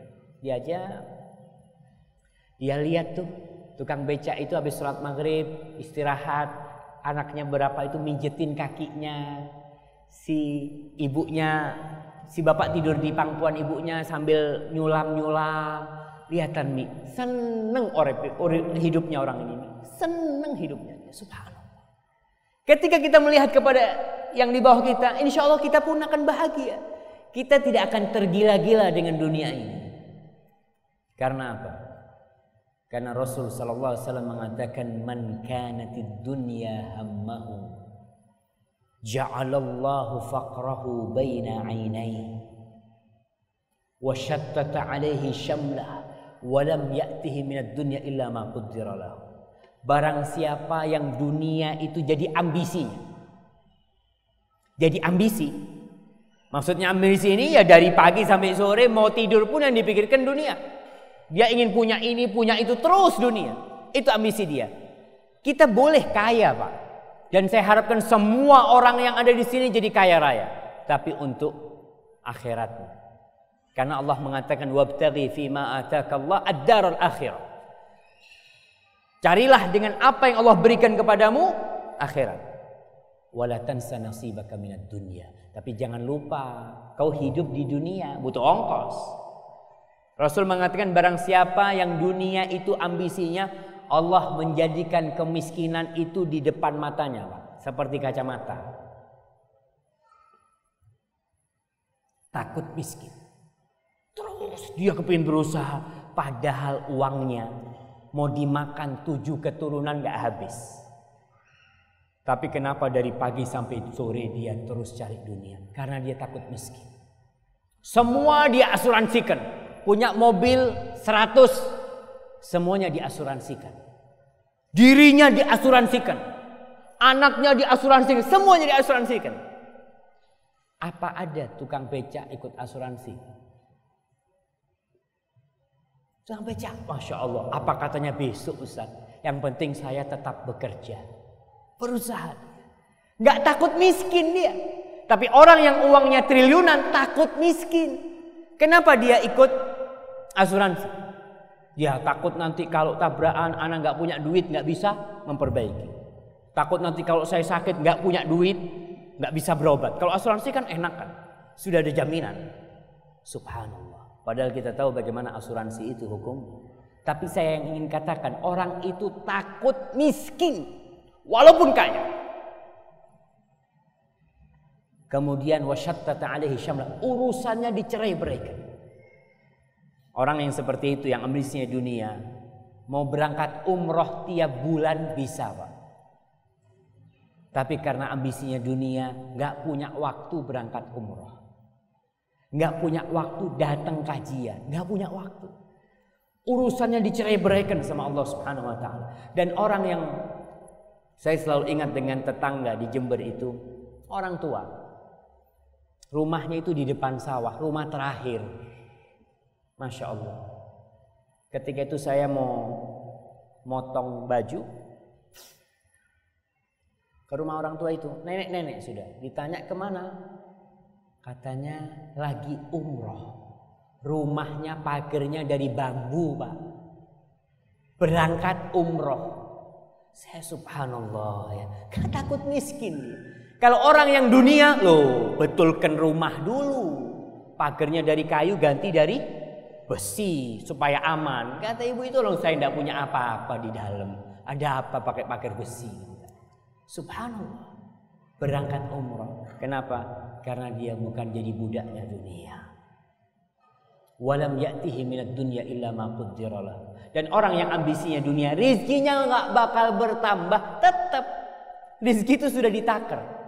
Dia kalau umpamanya berangkat umroh pun rizkinya tetap.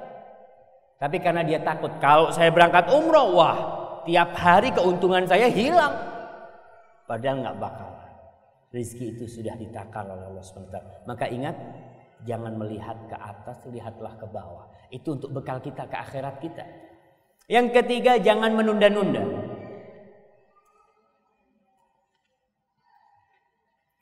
Menunda-nunda amal kebajikan. Menunda-nunda taubat ada orang-orang yang nggak sholat. Ente kenapa kok nggak sholat? Nunggu kalau umur 70 tahun. Nanti saat saya kalau sudah umur ya 60-an gitulah. Baru saya akan tobat. Na'udzubillah. Siapa yang tahu dengan umur? Orang yang menunda-nunda taubat itu hatinya bisa ditutup sama Allah Subhanahu wa taala. Allah mengatakan, "Alam ya'ni lil ladzina amanu an takhsha'a qulubuhum li dzikrillah wa ma nazala minal haq. Belumkah datang waktunya bagi orang-orang yang beriman untuk tunduk hati mereka mengingat Allah dan kepada kebenaran yang telah turun kepada mereka? Apa belum saatnya? Sudah umur berapa? Apa enggak cukup kau ini maksiatnya sudah banyak sekarang nih waktunya? Kapan lagi? Utul kitaba min qablu fatala alaihi al-amad faqasat qulubuhum. Dan mereka tidak menjadi atau janganlah mereka menjadi seperti ahlul kitab.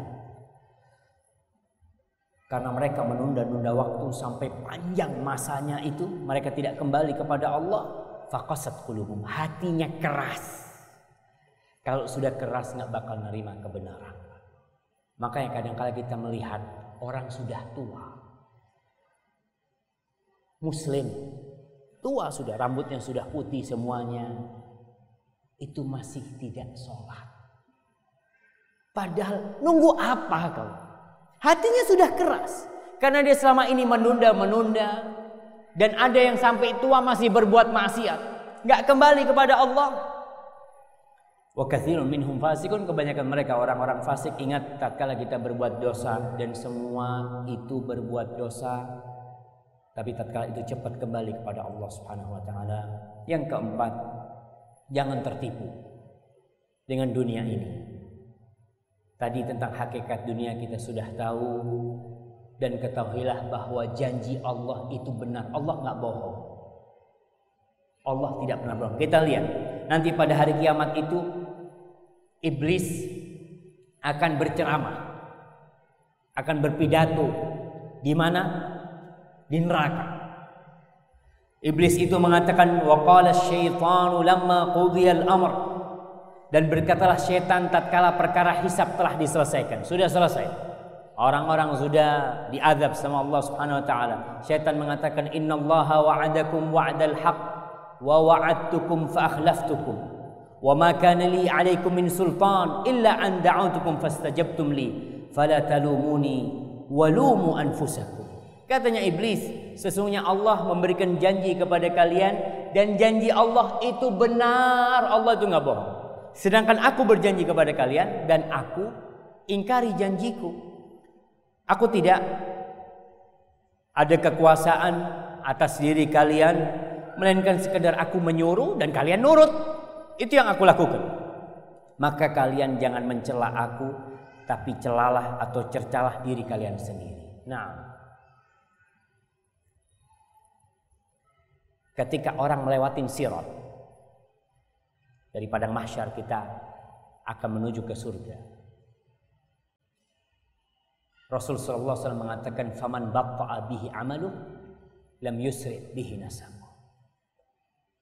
Wa man wajada khairan falyahmadillah wa man wajada ghaira dzalik fala yalumanna illa nafsah. Jadi katakan di situ ketika orang melewati sirat Kalau amalnya itu sedikit nggak bakal dia cepet karena nasabnya. Oh saya ini keluarganya fulan, saya ini anaknya ustadz, saya anaknya kiai. Nggak ada. Yang ada amalannya. Barang siapa yang mendapatkan kebajikan, maka dia bersyukur kepada Allah. Kalau dia mendapatkan selain kebajikan, hendaklah dia tidak mencela kecuali dirinya sendiri. Nggak bisa kita mencela iblis. Iblis disalahkan terus. Iblis memang salah dan dia tahu. Tapi dia ngomong, ana nggak punya kekuatan kecuali ana menggoda, menggodamu, mengajakmu dan kau nurut. Kemudian iblis mengatakan, ma ana bimusrikhi wa ma antum bimusrikhi.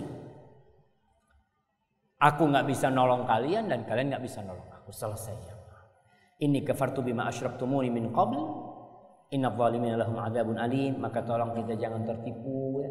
Tertipu dengan bisikan-bisikan iblis, tertipu dengan dunia yang bakal ditinggalkan dan yang kelima belajarlah dari mereka yang telah mendahului kita. Ini persiapan kita. Kita sering mendengarkan pengumuman Inna lillahi wa inna ilaihi raji'un telah meninggal dunia Bapak Supeni umpama bin Juwono akan dimakamkan sekian. Kita sering dengar. Nanti nama kita yang akan disebutkan. Inna lillahi wa inna ilaihi raji'un. Telah meninggal dunia Syafiq bin Riza Basalam. Akan datang hari itu nama kita disebut. Orang-orang ngomong siapa meninggal fulan meninggal. Kita sekarang ngangkat jenazah. Suatu hari kita yang akan diangkat. Maka tolong kita ambil pelajaran ketika kita ngangkat jenazah ya Allah, bakal ana yang diangkat. Ketika kita ngubur jenazah, ingat bakal ana yang dikubur dan diinjak-injak. Maka kafabil mauti cukup kematian itu jadi pelajaran buat yang hidup ini. Yang keenam,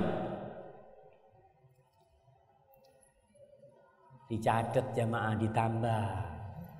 Masya Allah banyak bersedekah.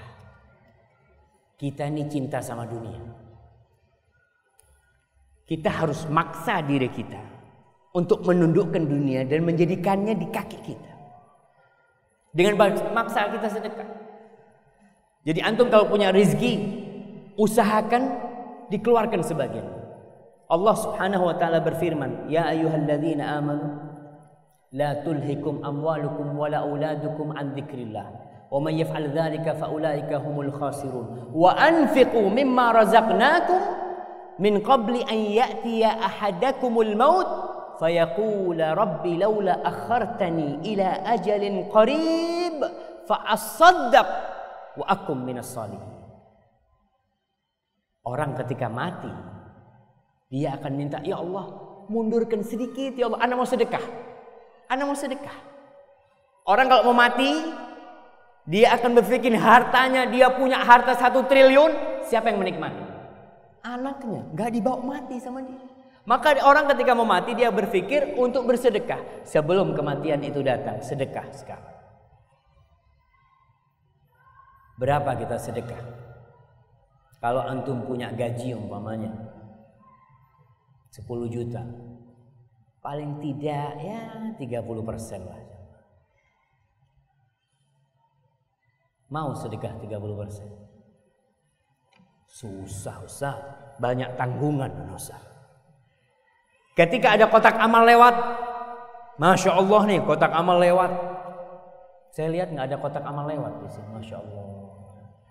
Alhamdulillah masjidnya nggak butuh amal Ustaz. Biasanya kalau ada kotak amal lewat itu Masya Allah kita itu mengeluarkan dompet cari uang besar apa uang kecil. Cari uang kecil kita. Padahal Allah berjanji Masalul yunfiquna amwalahum fi sabilillah kamathali habbatin ambatat sab'a sanabil fi kulli sumbulatin mi'atu habbah wallahu yudha'ifu liman yasha wallahu wasi'un alim. Allah berjanji satu kau kasih aku, Allah kasih berapa? 700. Kita ngeluarkan 100 ribu, Allah ganti berapa? Berapa jam? 100 ribu dikali 700. 70 juta. Hah? Iya 70 juta. Masya Allah. Allah janji. Kita nggak yakin. Mengeluarkan itu mesti dicari seribu. Karena pikirannya apa? Berkurang duitnya. Ketika kita mengeluarkan, kita berpikir akan berkurang duit kita. Nabi sudah mengatakan, mana kosomalun min sodakoh. Harta itu nggak bakal berkurang dengan sedekah, nggak bakal. Tapi kita masih nggak yakin. Tapi kalau kita punya teman, eh inti taruh di anak fulusnya. Berapa? 10 juta. Tiap bulan anak kasih untung 1 juta. Mau nggak kita? Oh zen. Walaupun riba zen nih.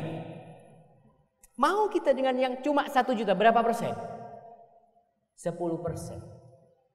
Allah ngasih 700 kali lipat. Kau kasih 1 juta, Allah ganti 700 juta.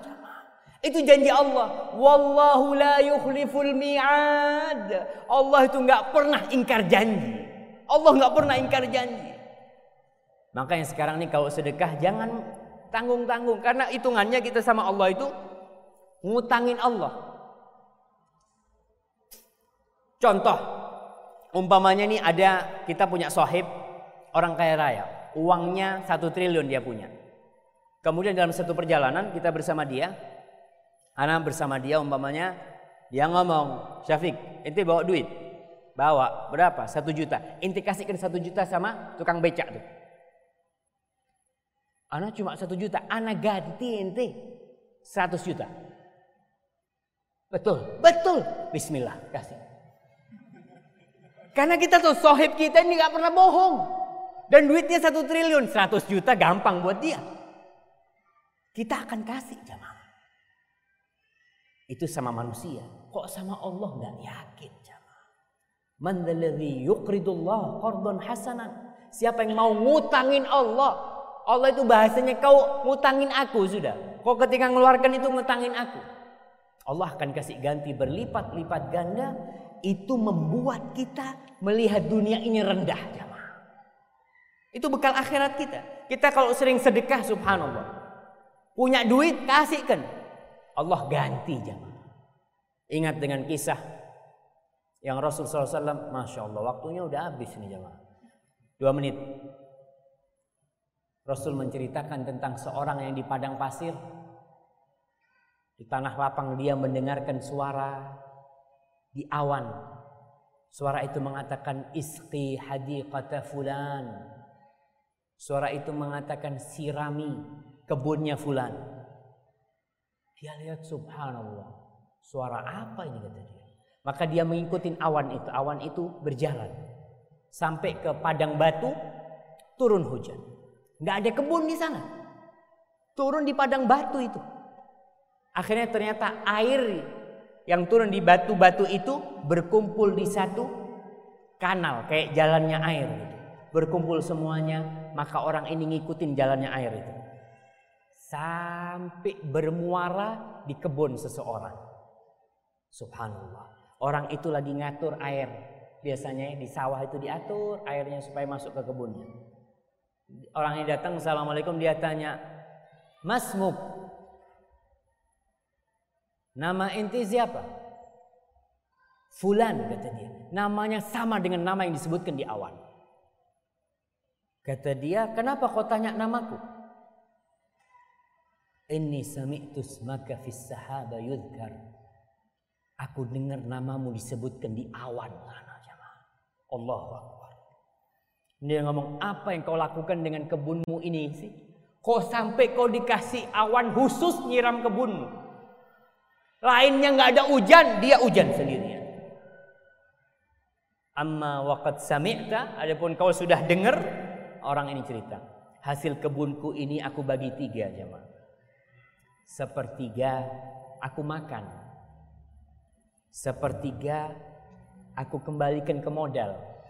Sepertiga aku sedekahkan jamaah. Apa kita masih takut bersedekah? Ketika Allah janji akan melipatkan 700 kali lipat bahkan lebih dari itu. Di dunia dan di akhirat jamaah. Ketika seorang sahabat datang bawa onta. Onta dengan pelananya yang siap untuk berperang. Orang ini mengatakan, ya Rasulullah, hadhihi fi sabilillah. Rasulullah nih ini di jalan Allah. Apa kata Rasul sallallahu alaihi wasallam? Laka biha yaumal qiyamah sab'u mi'ati naqah kulluha maktumah.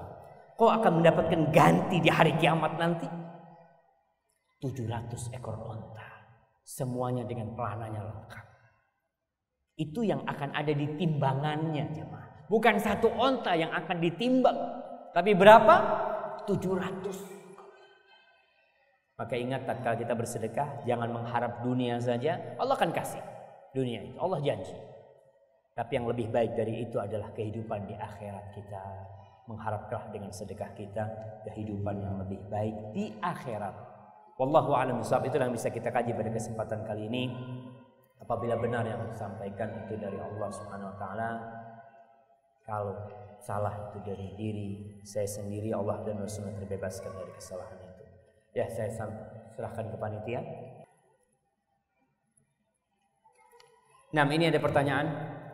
Bismillahirrahmanirrahim. Bagaimana cara kita menasehati teman yang sudah yang mudah tersinggung dan apabila tersinggung lalu memusuhi dan tidak mau lagi berteman dengan kita. Allahu Akbar. Kita ini setengah isi setengah kosong jemaah. Ya kayak gelas inilah.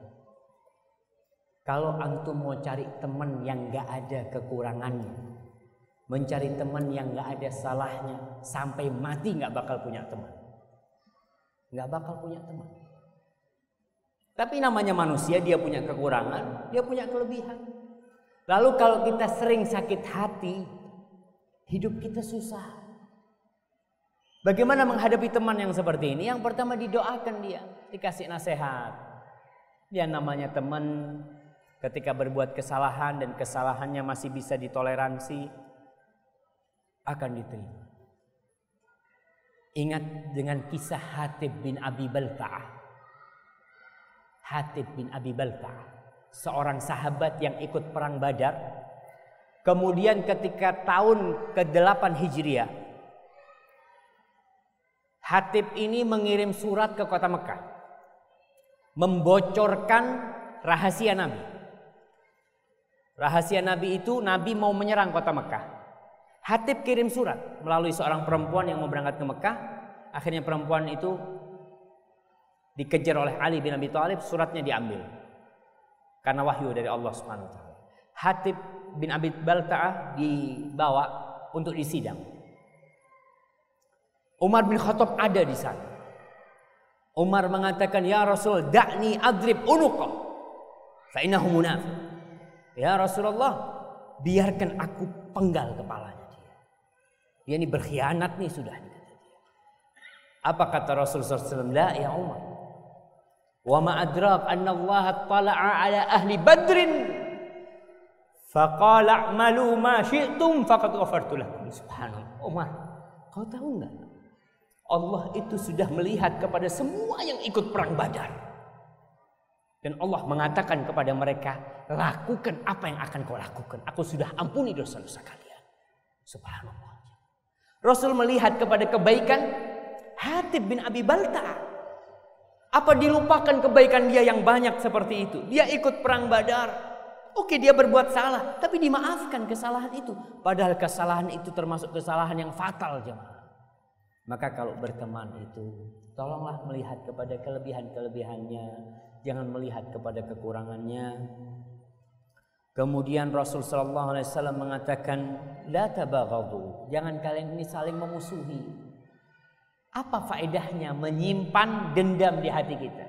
Antum melihat orang kalau musuhan Ngelihat temannya datang, masya Allah, dadanya itu sempit. Oh, perlu minum obat seakan-akan dia. Ah, ah. Tapi orang kalau melihat temannya, subhanallah, Al Imam Syafi'i, dia itu ada teman-teman yang memusuhi dia, yang nggak suka sama dia. Tapi apa kata Imam Syafi'i? Inni uhayyi adui inda ru'yatihi لأدفع الشر عني بالتحيات وأظهر البشر للإنسان أبغضه kama qad hasya qabli qalbi mahabbati kata Imam Syafi'i aku tuh kalau ketemu sama orang yang memusuhi aku aku senyum sama dia Aku jumpai dia dengan senyum ya. Seakan-akan hatiku ini penuh cinta dengan dia. Karena memang untuk menghadapi manusia Allah mengatakan idfa billati hiya ahsan. Untuk menghadapi manusia ini balas dengan yang lebih baik. Jangan dibalas dengan keburukan. Kalau dia lempar, kemudian antum lempar lagi, yang ada lempar-lemparan. Tapi kalau dia ngelempar, antum besoknya kasih hadiah dia.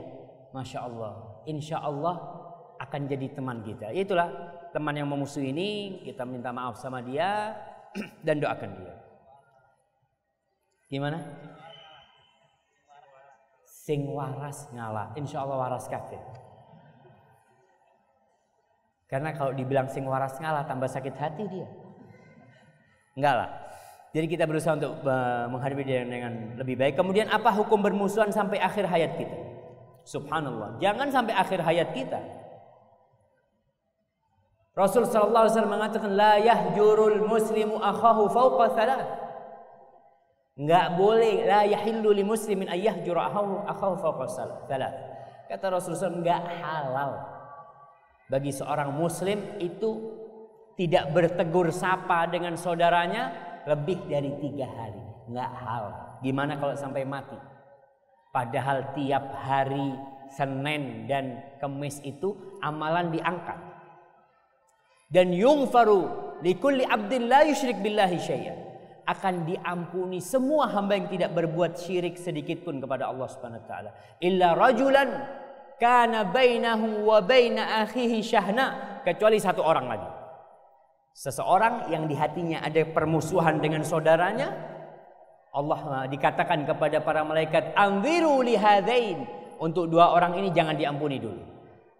Sampai hatta yastoliha, sampai duanya itu berbaikan. Maka hati-hati orang yang gampang bermusuhan, sakit hati, amalannya nggak diangkat dan dosanya nggak diampuni. Padahal kita ingin diampuni oleh Allah Subhanahu wa taala. Antum tahu sama Abu Bakar Siddiq. Abu Bakar Siddiq itu punya anak istrinya Rasul sallallahu alaihi wasallam. Aisyah. Aisyah pernah dituduh berzina. Salah satu yang ikut menuduh dan menyebarkan berita bohong itu adalah sepupunya Abu Bakar Siddiq. Atau keponakannya Abu Bakar Siddiq. Mistah Istri masih kerabat sama Abu Bakar Siddiq. Mistoh ikut menyebarkan. Padahal Mistoh ini tiap bulan dikasih tunjangan. Sama Abu Bakar. Nama Abu Bakar orang kaya. Ikut Mistoh ini menyebarkan. Ketika turun ayat yang membebaskan Aisyah dari tuduhan itu. Abu Bakar bersumpah untuk tidak membantu Mistoh lagi. Maka Allah mengatakan falyafu wal yasfahu. Ala tuhibbuna ayyaghfirallahu lakum. Hendaklah orang-orang yang memiliki keutamaan itu kelebihan harta, mereka tidak berhenti wala ya'tili ulul fadli minkum was-sa'ati an yu'ti ayyutu ulil qurba agar mereka berbagi dengan kerabat-kerabat mereka. Mereka padahal sudah bersumpah tidak mau memberi. Abu Bakar sudah bersumpah enggak akan membantu Mistah. Tapi ketika Allah mengatakan falyafu waliyasfahu hendaklah mereka memaafkan hendaklah mereka nggak usah dimarahin tuh orang-orang yang pernah berbuat salah udah dimaafkan ala tuhibbuna ayyaghfirallahu lakum apakah kalian nggak suka diampuni Allah Abu Bakar mengatakan bala langsung Abu Bakar bayar kafarah untuk puasa untuk sumpahnya dan dia kembali membantu saudaranya maka seperti itulah kalau kita punya saudara yang berbuat salah kita maafkan dia dan nggak perlu bermusuhan Surga ini pertanyaan Ustaz, surga itu ada berapa macam? Apa saja? Neraka itu ada berapa macam dan apa saja? Berkaitan dengan neraka, surga ini darajat. Surga itu tingkatannya dikatakan mi'atu darajah. 100 derajat. Wa apa yang paling tinggi? Firdaus yang atapnya adalah Arsyur Rahman. Adapun neraka itu darakat. Neraka itu tingkatannya ke bawah. Kalau di Al-Quran disebutkan sifat-sifat neraka itu ada jahim, ada neraka jahanam, nar talawwa, macam-macam disebutkan. Tapi neraka itu tingkatannya ke bawah dan orang yang paling berat siksanya adalah orang-orang munafikin yang Allah mengatakan innal munafiqin fiddarkil asfali minan nar. Orang munafik itu berada di keraknya yang paling bawahnya api neraka. Adapun pintu surga berapa? Delapan dan pintu neraka ada tujuh. Barakallahu fiik. Surga yang paling rendah itu untuk dan untuk siapa? Masya Allah. Surga yang paling tinggi itu untuk apa dan untuk siapa? Ya berkaitan dengan neraka, neraka surga ini Tentunya surga yang paling tinggi adalah untuk siapa? Untuk para nabi. Untuk para siddiqin. Allah menyebutkan ada ashabul yamin dan ada al-muqarrabun. Orang-orang yang didekatkan sama Allah. Muqarrabun itu yaitulah yang surganya paling tinggi. Ashabul yamin yang surganya beda. Jadi kalau baca surat Ar-Rahman itu akan dibaca ada surganya orang-orang muqarrabin ada surganya ashabul yamin. Surganya muqarrabin adalah yang paling tinggi adalah ashabul yamin. Dikatakan siapa ashabul yamin? Mereka orang-orang soleh yang masih berbuat dosa tapi dia kembali kepada Allah. Adapun muqarrabin yang dikatakan orang muqarrabin itu kalau nggak sholat sunnah merasa dosa jemaah. Nggak sholat sunnah merasa dosa karena dia apa ya Allah eman-eman ngobrol panjang-panjang Barakallahu fiki. Allah. Nah. Sampai mana ya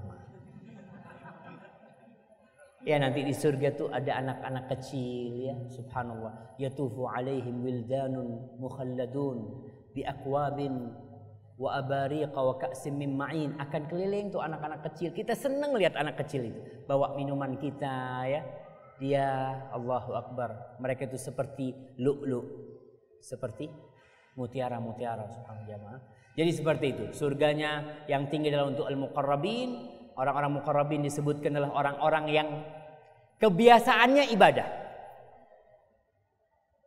Orang-orang kayak kita nih ibadahnya kebiasaan. Jadi kemuqarrabin kebiasaannya ibadah. Dia makan, dia niatkan ibadah. Ya Allah, anak makan, anak kepingin bantu tetangga nih. Bangun rumahnya. Supaya kuat ya Allah. Anak makan kepingin nanti bisa sholat malam ya Allah. Supaya anak ini sholat malam cuma dua rakaat. Malam ini anak makan kepingin anak sholat sebelas rakaat. Makannya ibadah. Tapi kalau orang-orang kayak kita nih. Sholatnya inti kenapa sholat? Dari dulu saya sudah sholat. Dari dulu. Ya kebiasaan maksudnya. Dia bukan kenapa sholat, anak kepingin mendekatkan diri sama Allah. Tidak. Jawabannya dari dulu saya sudah sholat. Berarti sholatnya karena kebiasaan. Kenapa puasa Ramadan? Alhamdulillah saya diajari puasa itu dari kecil. Nah, tapi berusaha lah ya untuk jadi mukarrabin. Neraka yang paling rendah tadi udah disebutkan. Neraka yang paling rendah ini ya yang ada di ujungnya, yang disiksa di situ siapa? Pamannya, Nabi Abu Talib yang dikatakan kakinya itu ada di di mana? Dikasih sepatu dari api neraka tapi otaknya mendidih Itu azab yang paling ringan seperti itu. Kakinya dikasih terompah dari api kemudian otaknya mendidih karena itu. Nauzubillah min dzalik. Adapun yang paling berat adalah untuk orang-orang munafikin ya. Nauzubillahi minan. Ada nggak orang munafik di sini jemaah? Ada nggak orang munafik? Di masa Nabi yang ceramah Nabi, yang ceramah Nabi, yang jadi imam Nabi Sallallahu Alaihi Wasallam. Jamaahnya yang sholat ada yang munafik jamaah. Padahal mereka melihat wahyu Allah turun, mereka sholat bersama Nabi. Mereka berpuasa bersama Nabi. Ternyata mereka ada di keraknya api neraka. Apalagi kita yang ada di sini. Maka kita harus lebih berhati-hati dengan masalah sifat kemunafikan ini. Na'udzubillah minan Ini pertanyaan siapakah yang mendapatkan siksa kubur, nikmat kubur dan apa ciri-ciri di dunia? Berkaitan dengan siksa kubur ini kita beriman dengan adanya siksa kubur. Siapa? Ya dosa tentunya. Kita akan disiksa di kubur kita ketika kita punya dosa. Termasuk dosa-dosa yang disebutkan oleh Nabi akan disiksa di kubur secara terperinci adalah orang yang kalau kencing tidak perhatian dengan najis. Ada orang-orang kencingnya itu muncrat-muncrat ke celananya, sholat Allahu Akbar dengan celana. Nggak dibersihkan. Kemudian orang yang yamshi bainan nas bin namimah, orang yang suka mengadu domba orang ngomong sana, ngomong sini, itu juga akan mendapatkan siksa di kuburnya. Apa dulu nikmat kubur tentunya buat orang yang sholat, ya buat orang yang membaca Al-Quranul Karim. Insya Allah dia akan mendapatkan nikmat dari Allah Subhanahu Wa Taala di alam kuburnya dan ketika dia menjauhkan dirinya dari dosa. Wallahu a'lam bishawab.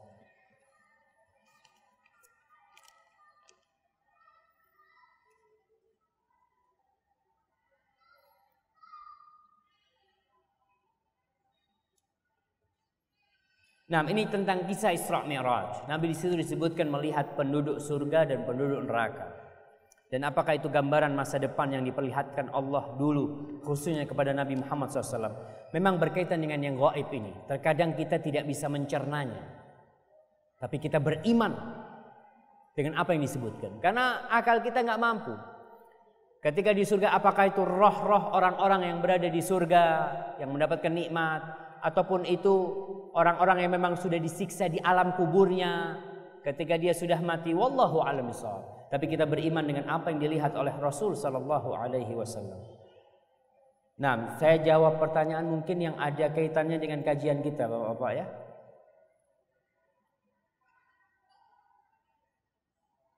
Ya ini pertanyaannya, bagaimana dengan dosa kesalahan yang kita lakukan apakah ketika kita bertobat dan tidak mengulanginya Allah akan mengampuni semua dosa tersebut?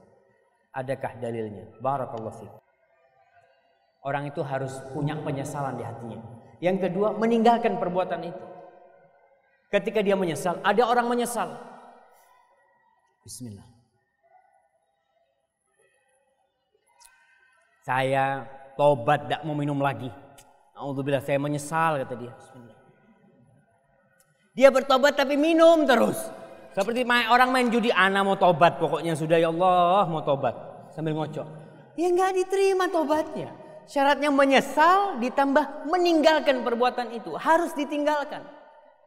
Kalau orang mengatakan bertobat dan saya menyesali perbuatan saya tapi tidak meninggalkan bohong tobat. Karena kalau dia benar tobatnya dia akan menyesal Menyesal itu perasaan dalam hati ya. Dia merasa berbuat dosa dan ini peringatan peringatan buat permasalahan yang banyak terjadi di masyarakat kita.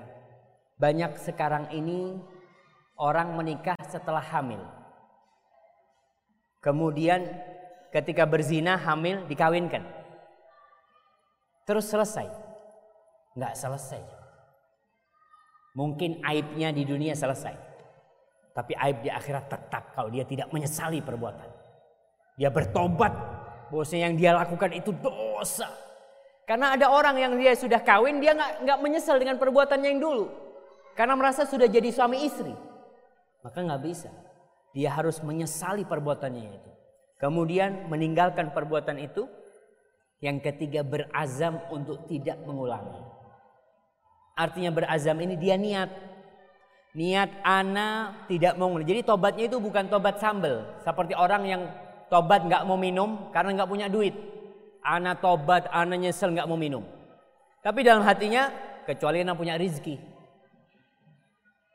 itu tidak akan diterima karena yang ketiga dia harus berazam niat tekad nggak akan ngulangi lagi ketika dia mengatakan hal itu akan diterima tobat lalu kalau dia ngulangi Ustaz gimana? Dia sudah berjanji tidak akan berbuat dosa. Kemudian dia ngulangin dosanya. Dosa yang pertama sudah diterima. Taubat. Tinggal dosa yang selanjutnya dia harus taubat lagi. Lalu kalau ada hubungannya dengan manusia. Hubungannya dengan manusia maka dia harus minta maaf atau mengembalikan. Karena kalau tidak akan diminta di akhirat nanti. Dalilnya apa? Banyak sekali firman Allah Subhanahu wa taala. Allah mengatakan ladzina tabu ma'ziratan. Ya ayyuhalladzina amanu tubu ila Allahi taubatan nasuha. Asa rabbukum an yukaffira ankum sayiatikum wa yudkhilakum jannatin tajri min tahtil anhar. Wahai orang-orang yang beriman, bertobatlah kalian kepada Allah Subhanahu wa taala. Asa rabbukum niscaya Allah akan mengampuni menghapuskan dosa kalian. Itu kalau tobatnya benar.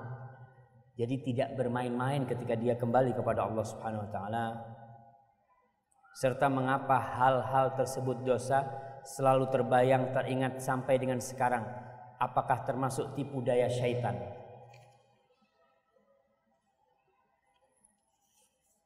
Ibnu Qayyim rahimahullah taala dalam kitabnya Madarijus Salikin dia mengatakan Qala salaf, sebagian salaf itu mengatakan rubba dzambin yadkhulu bihil abdul jannah wa rubba ta'atin yadkhulu bihal abdul nar. Ada sebagian dosa yang membuat orang masuk surga. Ada sebagian ketaatan yang membuat orang masuk neraka. Kok bisa? Dia ceritakan Terkadang orang berbuat dosa. Kemudian dia bertobat. Kemudian dia senantiasa mengingat dosanya. Dan dia memperbanyak amal soleh karena dia takut tobatnya nggak diterima. Terus dia berusaha untuk berbuat kebaikan karena takut sama dosanya. Jadi sebenarnya yang mengantarkan dia untuk masuk surga apa? Gara-gara dosa yang dia lakukan. Dan ada orang yang berbuat ketaatan masuk neraka dengan ketaatannya. Karena apa? Karena dia sombong dan ujub dengan ketaatan. Merasa orang lain nih, semua nih nggak ada yang lebih baik dari anak. Semuanya masuk neraka. Kecuali anak. Na'udzubillah. Dia merasa lebih baik dari orang lain. Bahkan dia merasa berhak mendapatkan dari Allah surga. Padahal la yadkhulu ahadukumul jannah bi'amalih. Nggak ada yang bisa masuk surga itu sebagai ganti dari amalannya. Jadi kalau ditimbang amalan sama surga nggak ada yang bisa. Para sahabat bertanya, hatta anta ya Rasulullah, engkau pun ya Rasulullah, aku pun nggak bisa dengan amalanku.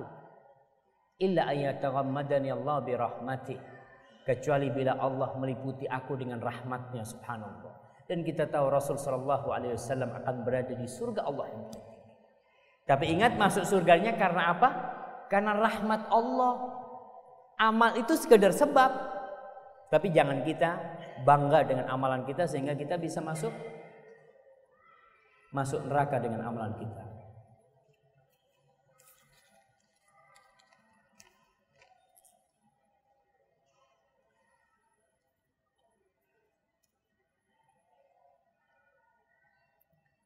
Apakah dosa mempengaruhi terkabulnya sebuah doa? Naam. Subhanallah.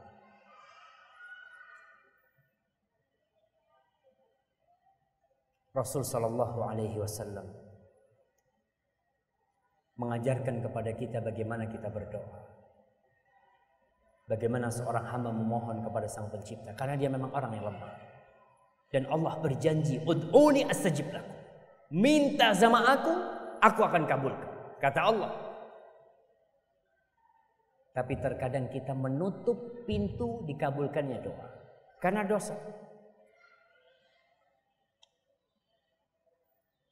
Di antara dampak buruk dosa itu ya tadi yang kita lihat dosa doa kita nggak dikabulkan sama Allah Subhanahu wa taala. Minta-minta Rasul menceritakan tentang seorang yang berdoa mengangkat tangannya dalam keadaan safar. Dia ya bajunya sudah kusam ya lus, lesu, lusuh bajunya. Dia mengangkat tangan mengatakan ya Rob ya Rob kemudian Rasul mengatakan anna yustajabalah wat mat'amuhu haram wa malbasuhu haram. Wa ghudhiya bil haram. Makanannya haram. Pakaiannya haram.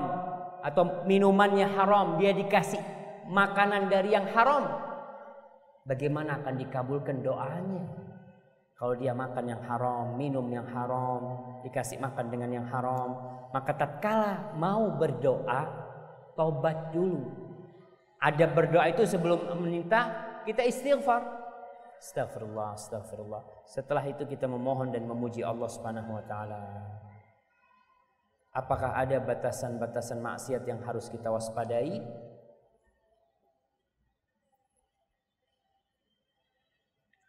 Dosa itu terbagi jadi dua. Kabair dan sagair. Dosa-dosa besar dan dosa-dosa kecil. Tapi perlu diingat. Ketika kita berbuat dosa, jangan milih-milih. Maksudnya milih, oh ini kan dosa kecil Ustaz. Tinggal sholat sunnah selesai. Tinggal istighfar selesai. Memang tatkala kita punya ilmu tentang dosa besar, kita semakin takut untuk terjebak dalam dosa besar. Tapi dosa kecil pun Nabi mengatakan iyyakum wa muhaqqaratidz dzunub. Kalian jauhi, hindari dosa-dosa yang remeh. Karena kalau dosa-dosa remeh itu dilakukan terus, berkumpul akan menghancurkan kalian. Maka semua dosa kita berusaha untuk menjauhinya. Adam alaihissalam karena satu dosa dikeluarkan dari surga. Maka bagaimana dengan dosa-dosa yang kita lakukan? Apa sih dosanya Adam? Ya ma, dosanya Adam itu apa? Alaihissalam. Makan buah. Makan buah yang terlarang. Masya Allah. Kayaknya udah cukup jamaah.